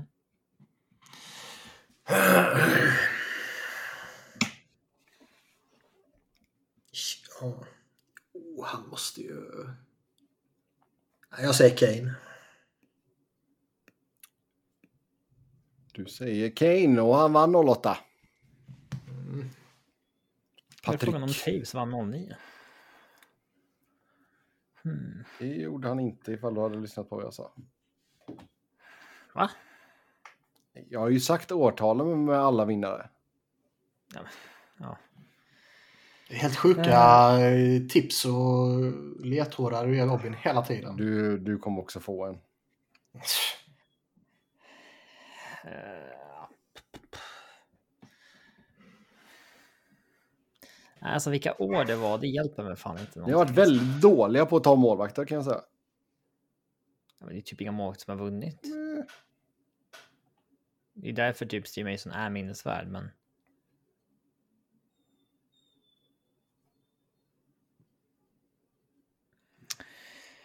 Jag eh, har för mig att Bobby Orr vann sitt första år. Bobby Orr vann 1967. För han vann Norris alla år utom det första, då vann han Calder. Kan man slänga upp någon sån gammal jävel då? Det känns som det är sjukt svårt det där 30, 40, 50. För då känns det som att... Vad, eh, vad sa Niklas sist? Kane. Patrick Kane 08. Det känns ju som de... Mm. Så har vi Bobby Orr 67. Det känns ju som att det är skitsvårt de här tidigare årtionden. För då känns det som att det var väldigt sällan det kom in en rookie och bara gjorde dundersuccé. Utan då var det veterantungt på de bästa. Ja, jag hade inte hängt upp mig på 30, 40, 50-tal kan jag ju säga. Nej, det tror jag inte jag ska göra. Frågan är om man ska gå någonting på liksom 60-70-tal. Kan man verka fram något där? Ja, något kan du verka fram där. Det tror jag nog att du kan. Men inte sådär man bara ja, ja, ja. Men några ja. Om man tänker eh, 80-tal. Mm, nu är du inne på bra grejer här. 80-90-tal. Lemieux för helvete. Ja, Mario Lemieux 1985. Väldigt fint årtal. Fan vad det hjälper till med Får ju väga upp lite där. Vad du hjälper till med ledtrådar. Jag säger att 50-60-talet är nog svårt. Kanske blir lite enklare när man kommer in på Mm, som att han 80-talet. sitter och masserar Ja, fram det kommer det bli. Mm. Ja, han har ju inte fått någon given eh, ledtråd. Det har han ju inte fått. ja. Eh, jag tror att Malkin vann sitt första år. Det gjorde han. 07 vann Malkin. Jag har ett finsmakarnamn som jag tror vann om han inte bara var nominerad och kom tvåa, men mm, den spar vi på. Ja. Mm. Tänk om vi tänker på samma namn. Är initialerna någonting som har en sexuell anspelning? Då vet jag, Ehm, då vet jag vem det är du, du tänker på. Okej, så det är rätt. Det är bra. Du får säga något annat Niklas. BJ. Vad fan. Det är inte Salming. Det är. Eller? Vad Eller? BJ, BJ för initialer med Salming att göra? Han kallas ju för BJ av någon anledning. Ja, men du sa initialer. Ja. Eh, vi har en svensk kvar. Björn Jonsson. Jag tror, alltså... eh, Johansson. Jag tror jag har större chans av att verka fram ett namn och chansa på från 80 och 90-talet än vad jag har att ta liksom de sista tre typ. Alltså. Eh, för det känns ju, man vet ju några som kom in och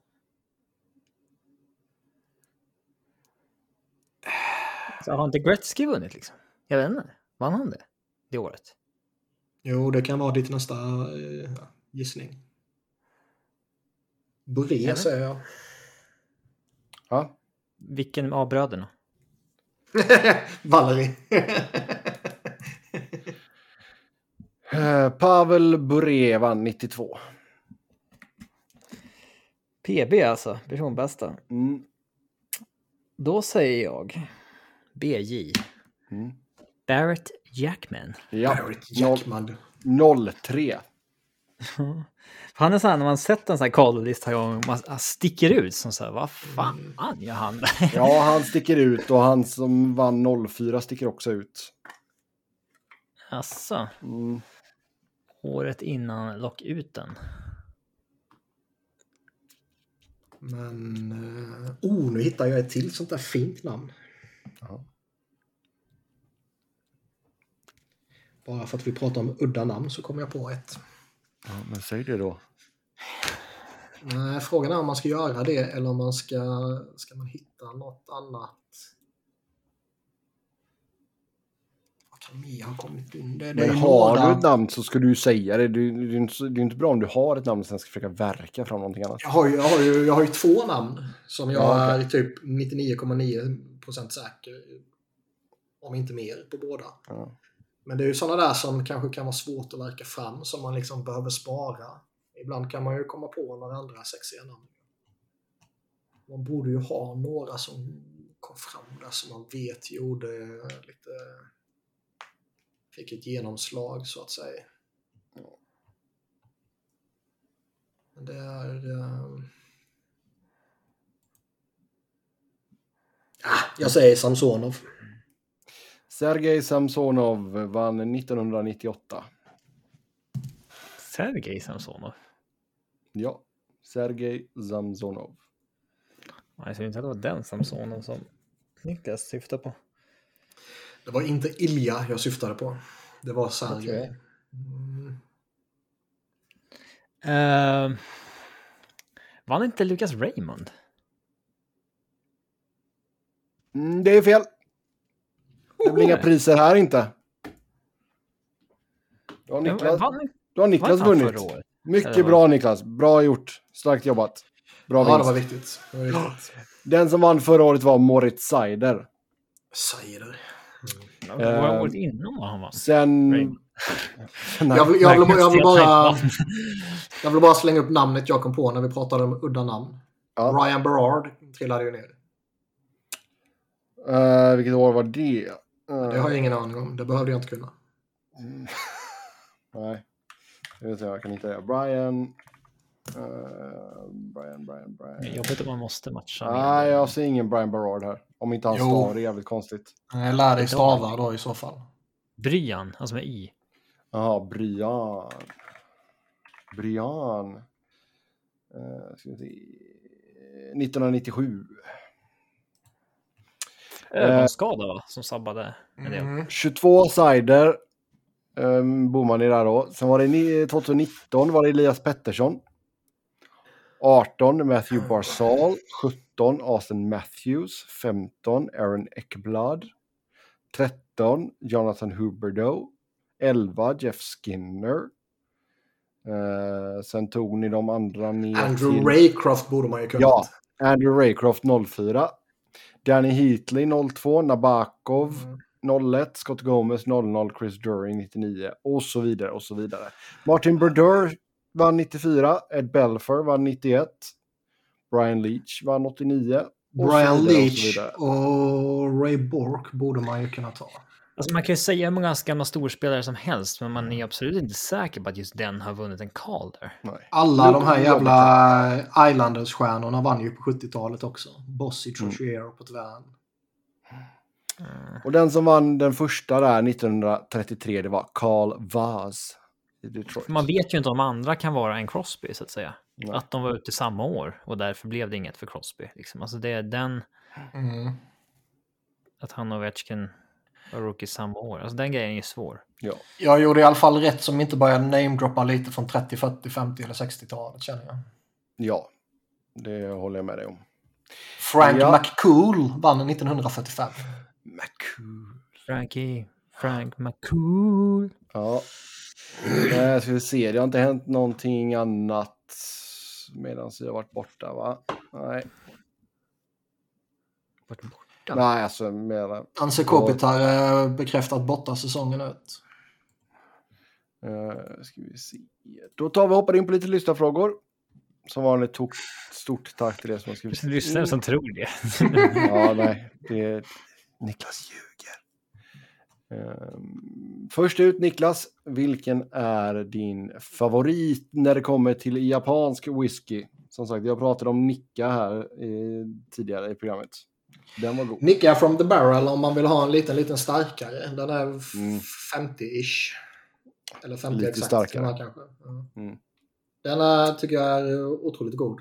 Eh, Den jag eh, dricker nu fick jag av Fassan och den verkar vara lite... Fassan. Eh, någon sån här standard, lite billigare. Men Tenjaku, förmodligen uttalat helt åt helvete fel. Okej. Vilket Mm. distilleri ska vi eh, ge cred för där? Eller heter distilleriet Tenjaku? Ja, det gör det kanske. Ingen aning. Japansk whisky, ska vi se. Sprit, whisky, ja tack. Japansk, vart hittar vi det nu då? Ursprungsland. Japan. 69 stycken, nice. Den är väldigt, li- lite mildare och, och väldigt lättdrucken så att säga. Ja, jäkla utbud. Tenjaku sa att den hette. Mm. Den är från... Japan.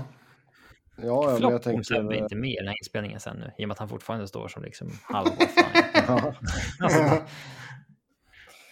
ja. det, det kan En bli speciell podd att lyssna på i så fall. Oh ja, oh ja, oh ja. Ja, ja, ja. Tenjaku. Mm, trevligt.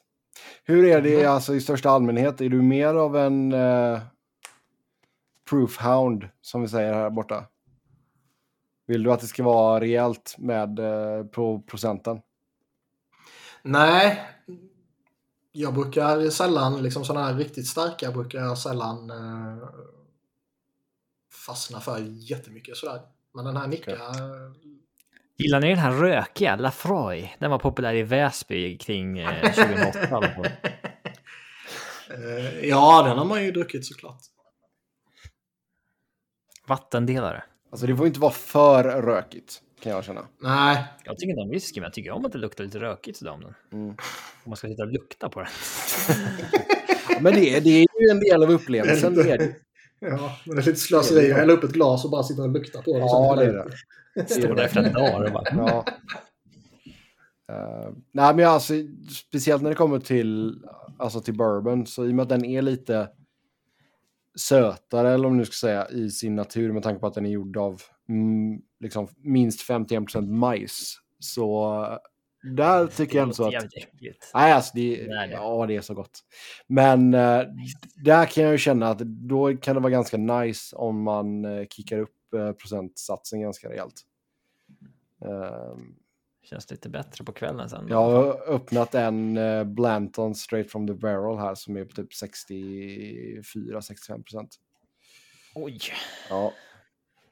Så, men man tar bara en liten tvåa, trea någonstans där. Vet. Bara sitta och smutta lite. Det är ju inte så att man... Eh, När är du i Sverige igen då Sebbe? Vi kan köra en sån här pissfull podd. När vi ja, liksom... Det blir nog inte förrän till nästa sommar tror jag. Nästa sommar. Ja, Så att sommaren 2024. ja exakt. Så då, då har vi någonting att se fram emot. Ehm, Ja, nu kan man ju fan inte åka till Ohio heller. Efter den, efter den här, efter den här eh, extrema liksom, naturkatastrofen. vadå, vill inte komma och titta på döda fiskar? Ja, har, du, har du fattat att det har hänt något nu eller? Ja, men det har jag vetat att jag har. Du Som hade tur ingen aning om, om det när vi var så blåste, det, så blåste det ju norrut. Mm. Så Kan han inte, skiten? ja, det har inte kommit ner till oss i alla fall. Ehm, Än. än. Vi får väl se, vi får väl se.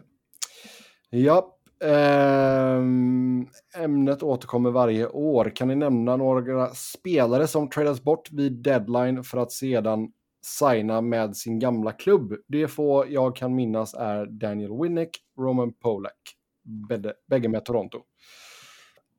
Uh, Keith Kachuk brukar ibland nämnas, men han tradades tillbaka till Blues från Atlanta.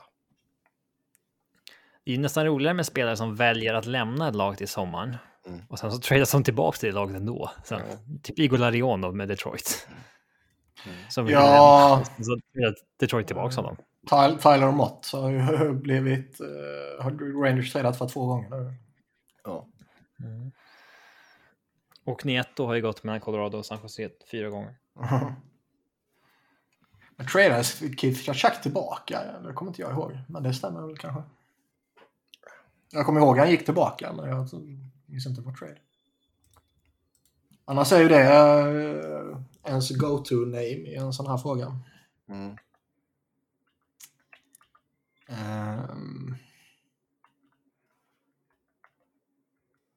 har vi... Fan, det är svårt att komma på. På rak arm. ja, verkligen. Här behöver man ju fusk-googla och det är lite för jobbigt. Det är för många tangenter man behöver slå ner och då gnäller ni på mitt tangentbord. Nej då. Ja. Men... ehm, Vart man ens googla. NHL-players. Jag vet inte. Men eh, nej, det pff. känns som att det var så länge sedan som det hände med någon relevant spelare att det egentligen inte borde vara ett relevant ämne trots att vi själva har lyft det varje deadline. Liksom. Ja. Ehm, man, man, har, man har ju verkligen känslan att det är så att när, när man väl eh, klipper banden så gör man det definitivt. Matt Molson gjorde det tydligen. Jag kan inte ens komma ihåg vilket lag det var. Var det Buffalo eller? Buffalo, ja. Jo. Buffalo. ja. Han blev tradad från Buffalo till Minnesota och sen så signade han med Buffalo. Mm. Eh, Absolut ingen. Antoine Vermette gjorde det. Han blev tradad till Chicago och sen signade han igen med Arizona. Och, Men Arizona Civil- räknas inte. och Sibinik Michalek tradades till Blues och sen signade igen med Arizona. Mm, Arizona räknas inte. Jodå. Nej. Så det var bra, då fick vi lite fler namn där. För eran kuriosa. Helt enkelt. Antoine Vermette. Sicket sexpack killen hade. Eh, Eh, ja. Har länge funderat på hur Oilers skulle kunna se ut om man tradade iväg McDavid och Dreisaitl. Förstår att detta aldrig skulle ske, men kan inte leka GM och gå igenom hur ett optimalt men realistiskt byte av dessa två skulle se ut för Oilers. Hur skulle ni formera laget om ni skulle optimera det redan till nästa säsong? Det vill säga att Oilers inte går för massa picks utan för att förbättra målvaktssidan och backsidan kanske framför allt. Skulle till exempel Barkov, Ekblad plus något mer kunna bytas mot McDavid? Jag skulle inte byta Conor McDavid mot någonting. Så länge det inte blir liksom uppemot det orealistiska. Och ska man hålla Ja. sig till något realistiskt så... eh, Alltså det skulle vara att du får Austin Matthews och Mitch Marner i princip. Och Ja. någon, Jag var på väg att säga McKinnon och McCarr liksom. Ja. ja. Eh, ska vara- Det är på den nivån och det, det, det är inte realistiskt. Det kommer liksom inte ske. Nej. Eh, jag, jag kan inte, jag kan för hela mitt jävla liv inte se en McDavid-trade. För hela ditt jävla liv. Ja. Ehm. nej, det, det, är nog, det, är en, det är en omöjlighet för mig. Man, eh, gör, gör du en McDavid-trade så kommer du... Du kommer ju per definition ge upp den bästa spelaren. Mm. Och ska man hålla sig inom ett realistiskt utbyte så kommer du inte få en spelare som är i närheten av honom. Däremot Dreisaitl är, ju- är ju faktiskt en intressant diskussion. För där skulle man ju på, på fullaste allvar kunna argumentera för att det kanske är något som Edmonton eh, kanske inte bör göra, men liksom kan göra. Skulle det bli bättre av om man nailade traden? Så skulle man kunna säga. Ja. Och där tror jag man kan snickra ihop någonting. Säg liksom- Miro Heiskanen och Roope Hintz. Ja, typ. Två finländare mot en tysk. Varför är det intressant? Det var, bara, det var bara den första tanken som dök upp i huvudet. Ja, tack för din analys. Ja, va, varsågod, varsågod. nu går vi vidare. Sebbe nailar Ja. analysen. Ja, det är klart där. Boom. I så fall är det två finländare. Ja. In med lite Ja. finsk sisu i Edmonton. Ja, och tysk fingerspitzgefühl Ja. i Dallas. Ja, exakt. Nej, men alltså. Men där skulle de väl egentligen vilja ha typ en Ottinger. Ehm, Men jag menar, alltså genom åren är det ju lite Flyers-supportrar som har slängt upp typ Connectny och Provorov plus mot Dreisaitl. ja, det kan man ju fet glömma nu. Förmodligen. Ja. Men eh, gå tillbaka några år så skulle det kanske kunna Ja, varit men nu, nu är vi relevant 2023. trade. Jag vet, men vi vet allihopa att har jag möjlighet att kuppa in något Flyers så kommer jag göra det. Men då får de ge upp Carter Hart plus någonting. Jättebra. Nu tror jag inte eh, att de har tillräckligt mycket för att lösa det. Liksom Carter Hart, han har varit jätteduktig. Connectny har varit väldigt bra denna säsongen och studsat tillbaka på ett imponerande sätt. Liksom. Och... Vet fan om man har mer utöver de två som så att man skulle få loss Dreisaitl alltså. Alltså det är väl om du skulle baka in några första val också. Som någon kan använda till att skaffa Ja. någonting annat. Ja, det är väl något sånt i så fall. Men det skulle... Nej, jag vet inte, jag, nej, jag, jag ser, jag, just när det kommer till Flyers så känns det inte realistiskt i, idag. För några år sedan, ja. Idag, nej. Mm. Men eh, där kan man ju bara gå igenom lag för lag om man vill och så kan man säkert hitta någonting som känns eh, rimligt för Dreisaitl och som kan vara rimligt för, eh, för Edmonton också. Ja. Gå in på... Ja, men alltså, alltså samtidigt också. Det, det är så du har två år kvar efter denna säsongen med Dreisaitl på 8,5. Mm. Det, de bör ju försöka liksom göra det mesta av det såklart, men han skulle ju vara som mest attraktiv för, för ett lag i sommar, liksom, när han fortfarande har två säsonger kvar på en väldigt överkomlig peng, med tanke på vad han producerar. För jag menar, han kommer bli svindyr på nästa kontrakt. Så är det ju definitivt ju. Ja. Så... Mm. Sen har vi, enligt mig ser inte Pittsburghs framtid ljus ut. Ålderstiget lag, de har tradat bort mycket framtid i form av talanger och draftpicks. Vad tycker ni de borde göra? Jag vill att de tradar bort både Jeff Carter och Kasper Kapanen. Du, jag har hört någonting. Kapanens farsa, han gjorde någonting någon gång. Uff. Tillåt mig att berätta för dig. Eh, nej, men alltså visst, de sitter på en väldigt gammal core med Crosby, Malkin och uh, Letang. Och även Petrie är ju Mm. 35. Fast där har vi väl ändå varit relativt överens allihopa om att det, det enda rätta för Pittsburgh är att komma ur det sista av den här kåren. Absolut. Men det, är det, jag kan ju absolut man- köpa... Ja. Ja, nej, så att man sitter på ett ålderstiget lag är ju tämligen naturligt. Mm. Jag tror det är, liksom, har man en core som Crosby, Malkin, Letang så tror jag det... Jag tror det faller sig rätt naturligt för väldigt många GMs att då bygga ett veterantungt lag istället för att om, omgärda dem av liksom yngre spelare. För man, man tror ju alltid om man är en hockeyman att veteranerna kommer göra det åt dig. Liksom. Jo. Ehm, Ja, alltså de har en spelare i, i liksom laget just nu som är 23 år eller yngre. Mm. Pierre Olivier Joseph. Ja. Eller som vi gillar att kalla honom, Poj. Ja. Men eh, alltså... eh, Med tanke på att de är där de är med Crosby, Malkin, Letang och sen så ytterligare en gubbe sådär så tycker jag egentligen inte att det är särskilt problematiskt att de är lite ålderstigna. Sen är det klart att eh, Nej, men jag kan ju köpa att frågeställaren kanske vill förändra någonting och skicka en eh, KK eller Carter liksom. har man en KK så ska man fan se till att behålla den alltså. Ja. Men alltså för varje år som går här nu så kommer de ju närmare att missa slutspel. Det, det kan ju redan ske i år såklart.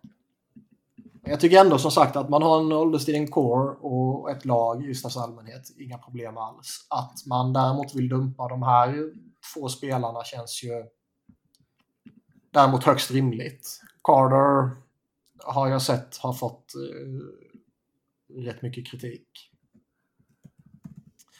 Och eh, Kapanen har väl egentligen aldrig blivit någonting. Nej.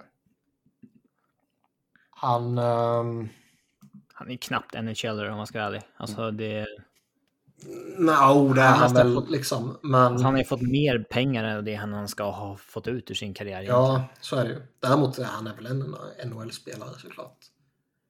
Men det känns ju lite som att han... han har ju kört fast i Pittsburgh i alla fall. Han behöver ju lämna den organisationen. Mm. Ehm, Frågan är ju vad man får jobbigt ändå. för honom. Ja, alltså. Han sitter på 3,2 miljoner i capita ett år till. Och Jag kommer ihåg det var Sitter på 3,125. Ja, nästa år också. Den, den var ju en Mm. konstig förlängning med tanke på hur gammal han är. Ja. Men eh, det var rätt många som, jag kommer ihåg när Kapanen fick sitt senaste kontrakt så var det rätt många som var lite förvånade att de valde att förlänga med honom och, och inte släppa honom. För han fick ju det här, det här tvåårskontraktet fick han ju i somras ju. Mm. Eh, så visst, ska man göra någonting så är det väl där någonstans. Vi nämnde Jeff Petri tidigare och liksom att han man tradar till sig honom och sen efter eh, drygt halv säsong har man redan tröttnat på honom. Det, det kan väl vara rimligt att försöka bli av med honom om han har varit så jävla kass men det känns samtidigt lite konstigt. Jag vet inte. Jag, jag tror att Pittsburgh, Pittsburgh och Pittsburgh-supportrarna behöver liksom de behöver acceptera att man kommer från en helt otrolig era här nu och eh, vara glada över kupperna och inse att eh, man har några halvdana år framför sig rimligtvis men man behöver låta den här kåren brinna ut. Typ. Och sen blir det mörkt. Sen kommer de väl göra som de gjorde, liksom de, de tankade skiten ur sig för att få Lemieux och sen gör de samma sak med Crosby och så kommer de göra samma sak liksom 20 27, 28 eller vad fan det blir med eh, någon supertalang då. ju. Ja. Eh, ska vi se. Ett avsnitt där du Niklas listar alla Ristolainens tabbar denna säsong. Låter inte helt fel ändå. Faktum är ju faktiskt att Ristolainen Eh, han är ju absolut inte värd sitt kontrakt. Det var fullständigt dårskap att förlänga med honom. Det var fullständigt dårskap att trada till sig honom till att börja med. Och liksom, det var fullständigt dårskap att inte försöka, eh, vad säger man, eh, recapture sina assets som man gav upp för honom när han var pending UFA inför ett slutspel. Nu låter det som att det kommer ett men här. Men denna säsongen har han varit liksom passable. Och som sagt, han är verkligen inte värd sitt kontrakt. Han är inte värd en 5,1 miljoner spelare. Han har liksom... Eh, han gör ju inga poäng längre liksom. Och Ristolainen har ju, alltså man kan ju säga jävligt mycket om honom såklart. Men jag tycker ju alltid han har varit liksom en hyfsat intressant liksom offensiv spelare. Och han har varit en användbar PP-back och sånt här liksom. Det är han ju. Vi har haft den diskussionen om Ristolainen. Ja, det är han ju inte. Nej, men det är han ju inte längre liksom. Nu, nu har de däremot, eh, de har ju plockat bort all offensiv från honom. Han gör ju inte ett piss framåt längre. Men eh, jag, jag för mig det var Charlie O'Connor på The Athletic i, i, i en podd som sa typ liksom att det känns som att det här är första gången i hans NHL-karriär där hans coach eller coachstab eh, har liksom tittat på honom och konstaterat att nej, den här snubben kan inte spela försvarsspel. Vi måste lära honom från noll igen. Och sen har de typ gjort det. Liksom. Och det är inte så att han har blivit bra, men han har blivit mindre värdelös. Och kan liksom klassificeras som en NHL-spelare nu. Typ. Och det är ju gött att man har en NHL-spelare för 5,1 miljoner. ja. It's the, it's the little things. Uh, ja. Sen nu ska vi se här. Hur ska Dax göra sin rebuild? Har det utrymme i lönebudgeten? Och vad kan man trada? Um, och sen en, en, eh, del två på denna frågan, eller från samma människa. Uh, vilka lag ligger bäst respektive sämst till i sina rebuilds? Men om vi börjar med Anaheim. Hur ska man rebuilda detta laget? Jag tycker de ligger eh, rätt bra till både i dagsläget och framåt. De har... Eh, de har ju gott om löneutrymme och de kommer ha ännu mer löneutrymme till sommaren. De har jättemycket löneutrymme redan nu liksom och de har det bra ställt kontraktsmässigt framöver också. De har några enstaka kontrakt med term på varav det ena är tidigare nämnda John Gibson som det känns som att de definitivt kan trada. Liksom. Mm. Han har eh, en lista på tio lag som man kan säga nej till. Ja. Och jag... där, där bör det ju fortfarande kunna gå att hitta en, en partner med de andra. Jag tror det. De andra som sitter på term tror jag de vill behålla. Cam Fowler, Ryan Strom och lite sånt här. De har en bra ung eh, bas att bygga vidare på med eh, Trevor Seagrass och fan heter backen?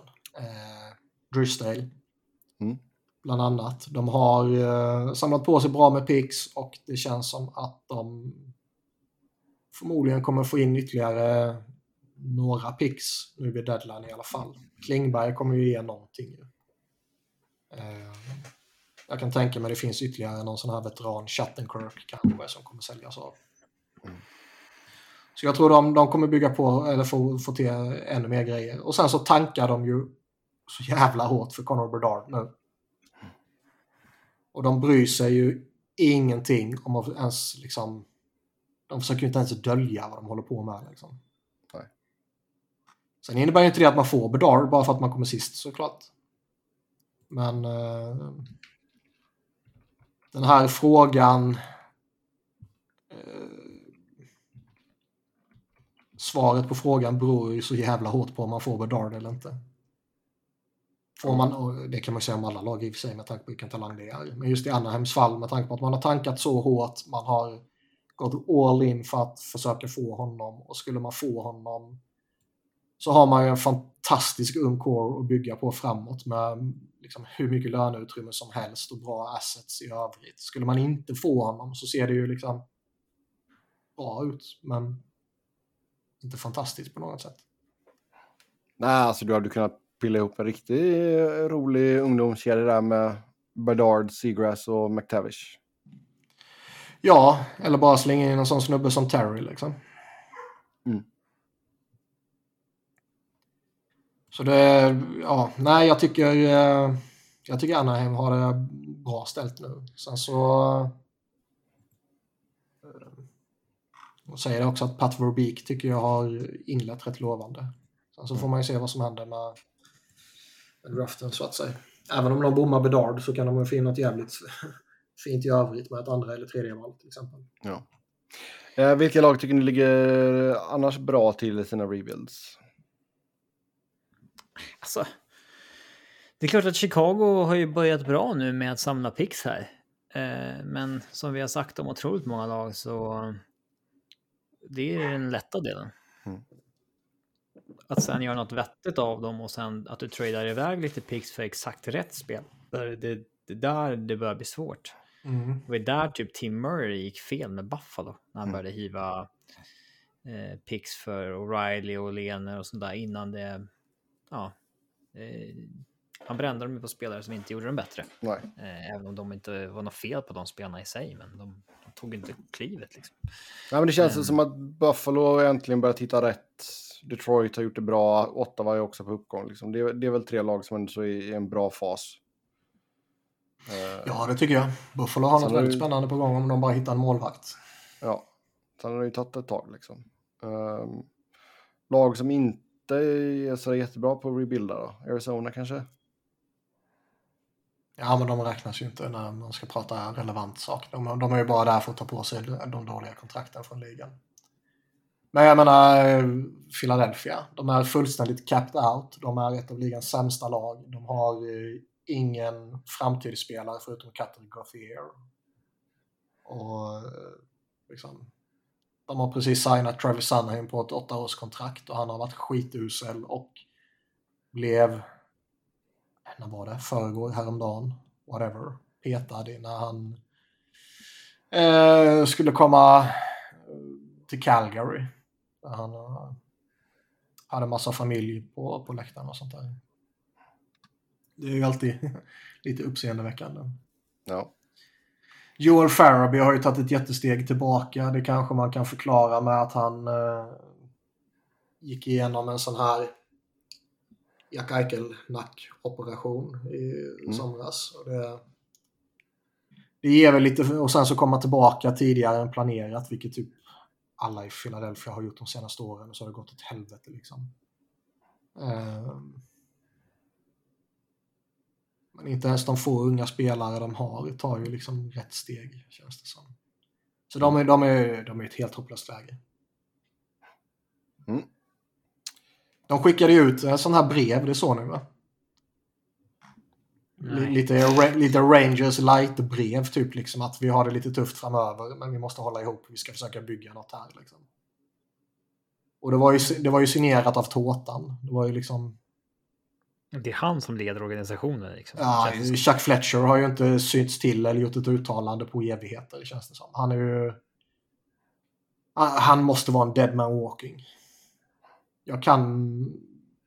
Alltså, att man inte kickar honom nu. Eh, det kan ju bara vara att man, liksom, man vill vänta för att se om det finns några alternativ där ute till sommaren. Liksom, som inte är Danny Breer. Om man inte är helt sålda på att Danny Breer ska bli hans efterträdare. Mm. Och gå in i, i deadline här nu och bara sälja av lite. Det, det borde han ju kunna göra. Liksom. Ska man gå in och försöka vara lite kreativ och hitta på någon, någon större grej så, så tror jag ändå att det är ett sommarprojekt. Om man ska sälja högt på Connectney eller om man ska liksom försöka dumpa iväg Provorov som det har varit snack om. Eller försöka bli av med Kevin Hayes eller något sånt där. Det känns som sommarprojekt oavsett vilket. Mm. Då ska vi se. Gör, kan ni göra en eh, trelags-trade mellan era lag där alla blir nöjda?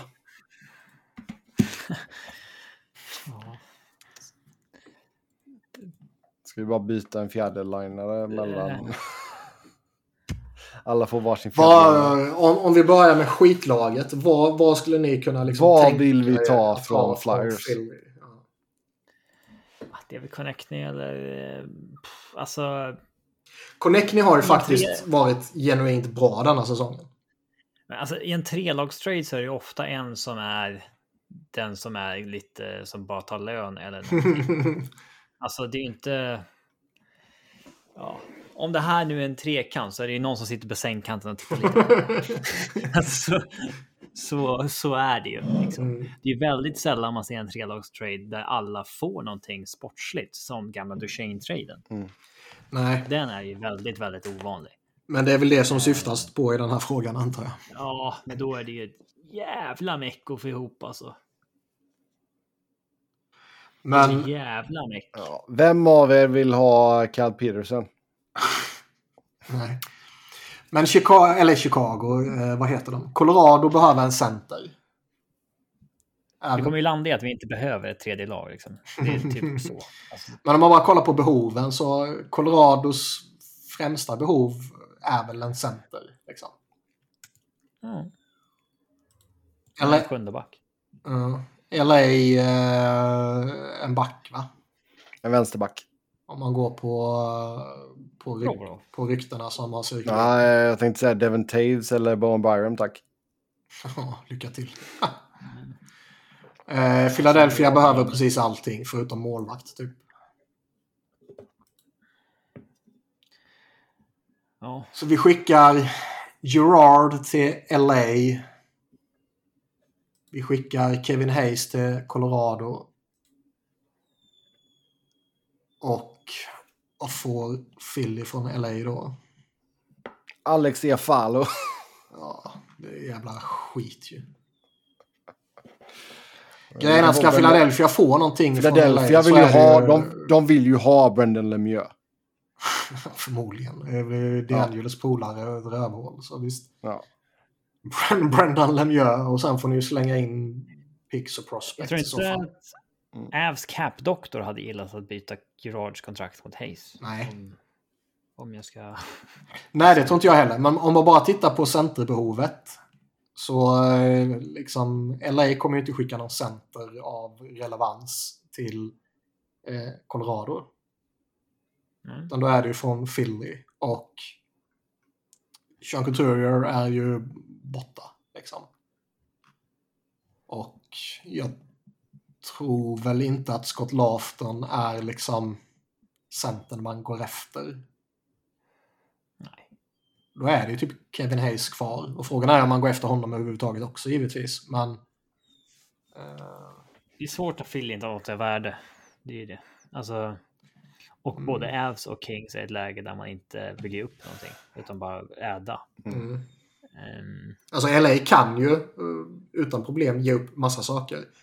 Colorado har ju redan gett upp jättemycket och är ja. ju begränsade. Alltså Ev skulle kunna byta en fifth rounder mot Justin Braun. Det skulle man kunna göra. Mm. För att få backdjup. Men då behöver man inte LA. Nej. Mm. Tråkig trekant. Mm. Mm. Japp. Eh, sen eh, kvällens sista fråga här. Uh, om man jämför Robins två konton på Twitter så undrar man varför den internationella Robin verkar vara så mycket coolare. Jobbar med tv och IT och leksaker jämfört med svenska Robin som bara identifierar sig som en torr djurgårdare. Ja, jag vet inte. Du tänker bara på Bion? Nej, det är inte jag som har ställt den här frågan. Ja, ska säga, jag har sex stycken Twitterkonton, men två av dem är ju... Du har fyra, okay. fyra burnerkonton. Ja, men ett är ju Svenska fans poddkonto. Sen så är det tre till. Mm. DIF-podden är ju det ena. Nej. Inte? Är du inte betrodd med den? Djur, ja, på den, den som vi säger här i podden här då, är R, underscore Fredriksson, då, är det, då står det bara djurgårdare gillar fotboll och hockey. Eh, Det är så här, man har ju byggt upp ett Twitterfölje på ett visst ställe där man förväntas leverera eh, ja, något i den stilen. Liksom. Då, då blir det ju så. ja. Det står ingenting om pris än så länge i alla fall. Nej. Det är inget pris till mig, det är ju till podden. Så att Ja. Ja, och sen Robin on the Avs, Avs Robin. Då står det I like hashtag go Avs go. Konstigt att jag körde hashtaggen där, eller hur? Ja, men då får du med den fina lilla ikonen. Jag gillar dem. Ja, jag gillar dem faktiskt. Det, jag tycker de är coola. Eh, då Det står ska det vara socialist också. Men vissa, vissa är ju så... 31 year old Swedish, he slash him, I work in IT, retail and TV. Vissa av de här hashtagsen är ju så orimliga liksom. Go All Go begriper man ju sig på vilket lag det är. Ja. Men liksom jättemånga sådana som man inte fattar vad det är för jävla lag de pratar om. All caps är ju eh, piss också. Liksom, men Ja. ha bara caps i så fall. Alltså, ja. Ja, men typ så här NHL Bruins. Är det inte något lag som har time to hunt? Väldigt logiskt Jo. tycker jag ändå. Kan det vara Time to Florida? hunt låter ju jätte... Ja. Uh, ska vi se. Eh, det är Florida, ja. Mm. Den är konstig. Jävlig. Ja. Det kommer jag ihåg efter att de var mitt favoritlag i två månader typ. Men det borde ju bara vara typ... Alltså... Jag kan köpa typ Blue Jackets, det är CBJ liksom. Funkar hur bra som helst. Mm. Fly Together tror jag är Anaheims va? Slog jag med nu. Ja. Den också uh, Ducks fly together. Mm. Gör de ens det? flyger de ens. Eller det är bara en myt? Jag tror att det är en myt. Ankor känns det inte som flockdjur. Det Eller sig, är... De är runt där tillsammans i och för sig, men alltså. Det är sällan man ser ett liksom anker komma tio stycken i luften mot en. Mm. Då har blivit rädd. ja, kamikaze-attack. Ja. Har någon av er blivit jagad av fiskmåsar någon gång? De är för jävliga alltså. De frodas ofta på eh, huset mittemot taket där mot sommaren. Och det så fort man går till Ica eller någonting så hoppar de ju ner mot en, dyker mot den sådär. Det finns lite klipp på Youtube där folk blir jagade av fiskmåsar och sånt där, men Det finns... of, Ja. ofta så dyker de ju bara ner för att skrämma och flyger iväg Mm. liksom. För att de har sina ungar i närheten och försöker skrämma bort den. Men det finns ju tillfällen när de faktiskt går till attack och det kan ju, de kan ju göra skada på riktigt. Ja, ja. Hackar, du vet, med spettet. eh, Med Med spettet. Ja, de har till Ja. I huvudet eller ögonen liksom. Ja. Det, det kan ju göra rejäl skada. En finns- gång så var... ja. Vad vadå? Nej, men det finns en fiskmås som eh, har lagt beslag på en... Om det är en bil som parkerar utanför Pasta House i Göteborg. Då sätter sig måsen på det biltaket och sen så står den bara kvar där. Eh, och är allmänt aggressiv mot människor. Mm. Och sen försöker sno mat då såklart. Från de som sitter på uteserveringen. Jag kommer ihåg att eh, så fort man skulle gå till McDonalds på natten också, i den liksom korsningen, där satt de på och ja, satt och det flög, flög mot den med full fart. När man, så man fick liksom ta löpet sista 200 meterna. Eh, de skriker ju till också när de kommer nära. Ja, Alltså skriker i örat så här när Ja. de flyger ner. För att, Släpp maten! Släpp maten! Men det är, det är gång som så- eh, nazisterna Släpp flyger andra världskriget när de dyker ner. ja. Ja, men det är som, Det kommer det är en- som uh, tok liksom. En gång så blev min eh, kollega, det var när jag jobbade i Solna och så i Mall Scandinavia, så var min kollega, han sa så här, fan vad konstigt fiskmåsarna beter sig kring, kring vårt hus typ eller något där. Och sen så några, någon vecka, några dagar senare så eh, var vi på jobbet eller på morgonen så kommer en annan kollega och säger Fan, jag tror att Sebbe blev jagad av en fiskmås där borta. Han ropade typ på hjälp. Och... så dök inte Sebbe upp. Utan han, han, han kom liksom sent Och då vart jag så här nyfiken. Jag bara, vad, vad har du varit? Jag bara, du är sen. Och då, då lackade han ur så in i helvete. Började slå och sparka i någonting där. Jag bara, fan, jag blev jagad av en jävla fiskmås. Liksom. Ja. Alltså det är... Det är så många som inte vet att de kan gå till attack heller. Så man blir väldigt chockade när det händer. Men eh, de är riktiga svin. Så Mm. att, eh, uppmana till alla, alla som har eh, tennisracket och skit att sopa ner dem utav helvete bara. kan vi göra officiellt då från podden. Nej, du ska inte upp, uppmana till våld mot eh, djur här nu. Får vi pita efter oss. Ja, Nej, ta de är fan okej. men ja, de kan vara aggressiva. Japp. Eh, med det då så tar vi och säger tack och gör för den här gången. Som vanligt så kan ni köra hockey med oss via Twitter. Mig hittar ni på @sebnoren. Look for the blue checkmark. Niklas på ett Niklas Wiberg. Niklas med C. Wiberg med enkel V. Robin på R underscore Fredriksson. Podden hittar ni på SV Fans NHL podd, podd med ett D. Tills nästa gång. Ha det gött! Hej!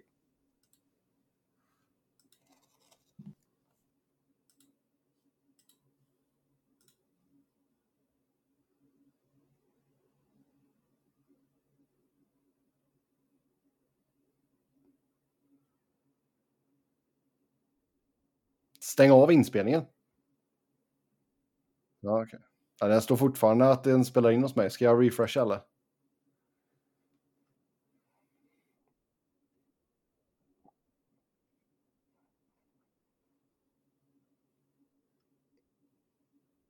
Okej, men då refreshar jag och så hoppas vi håller vi tummarna helt enkelt.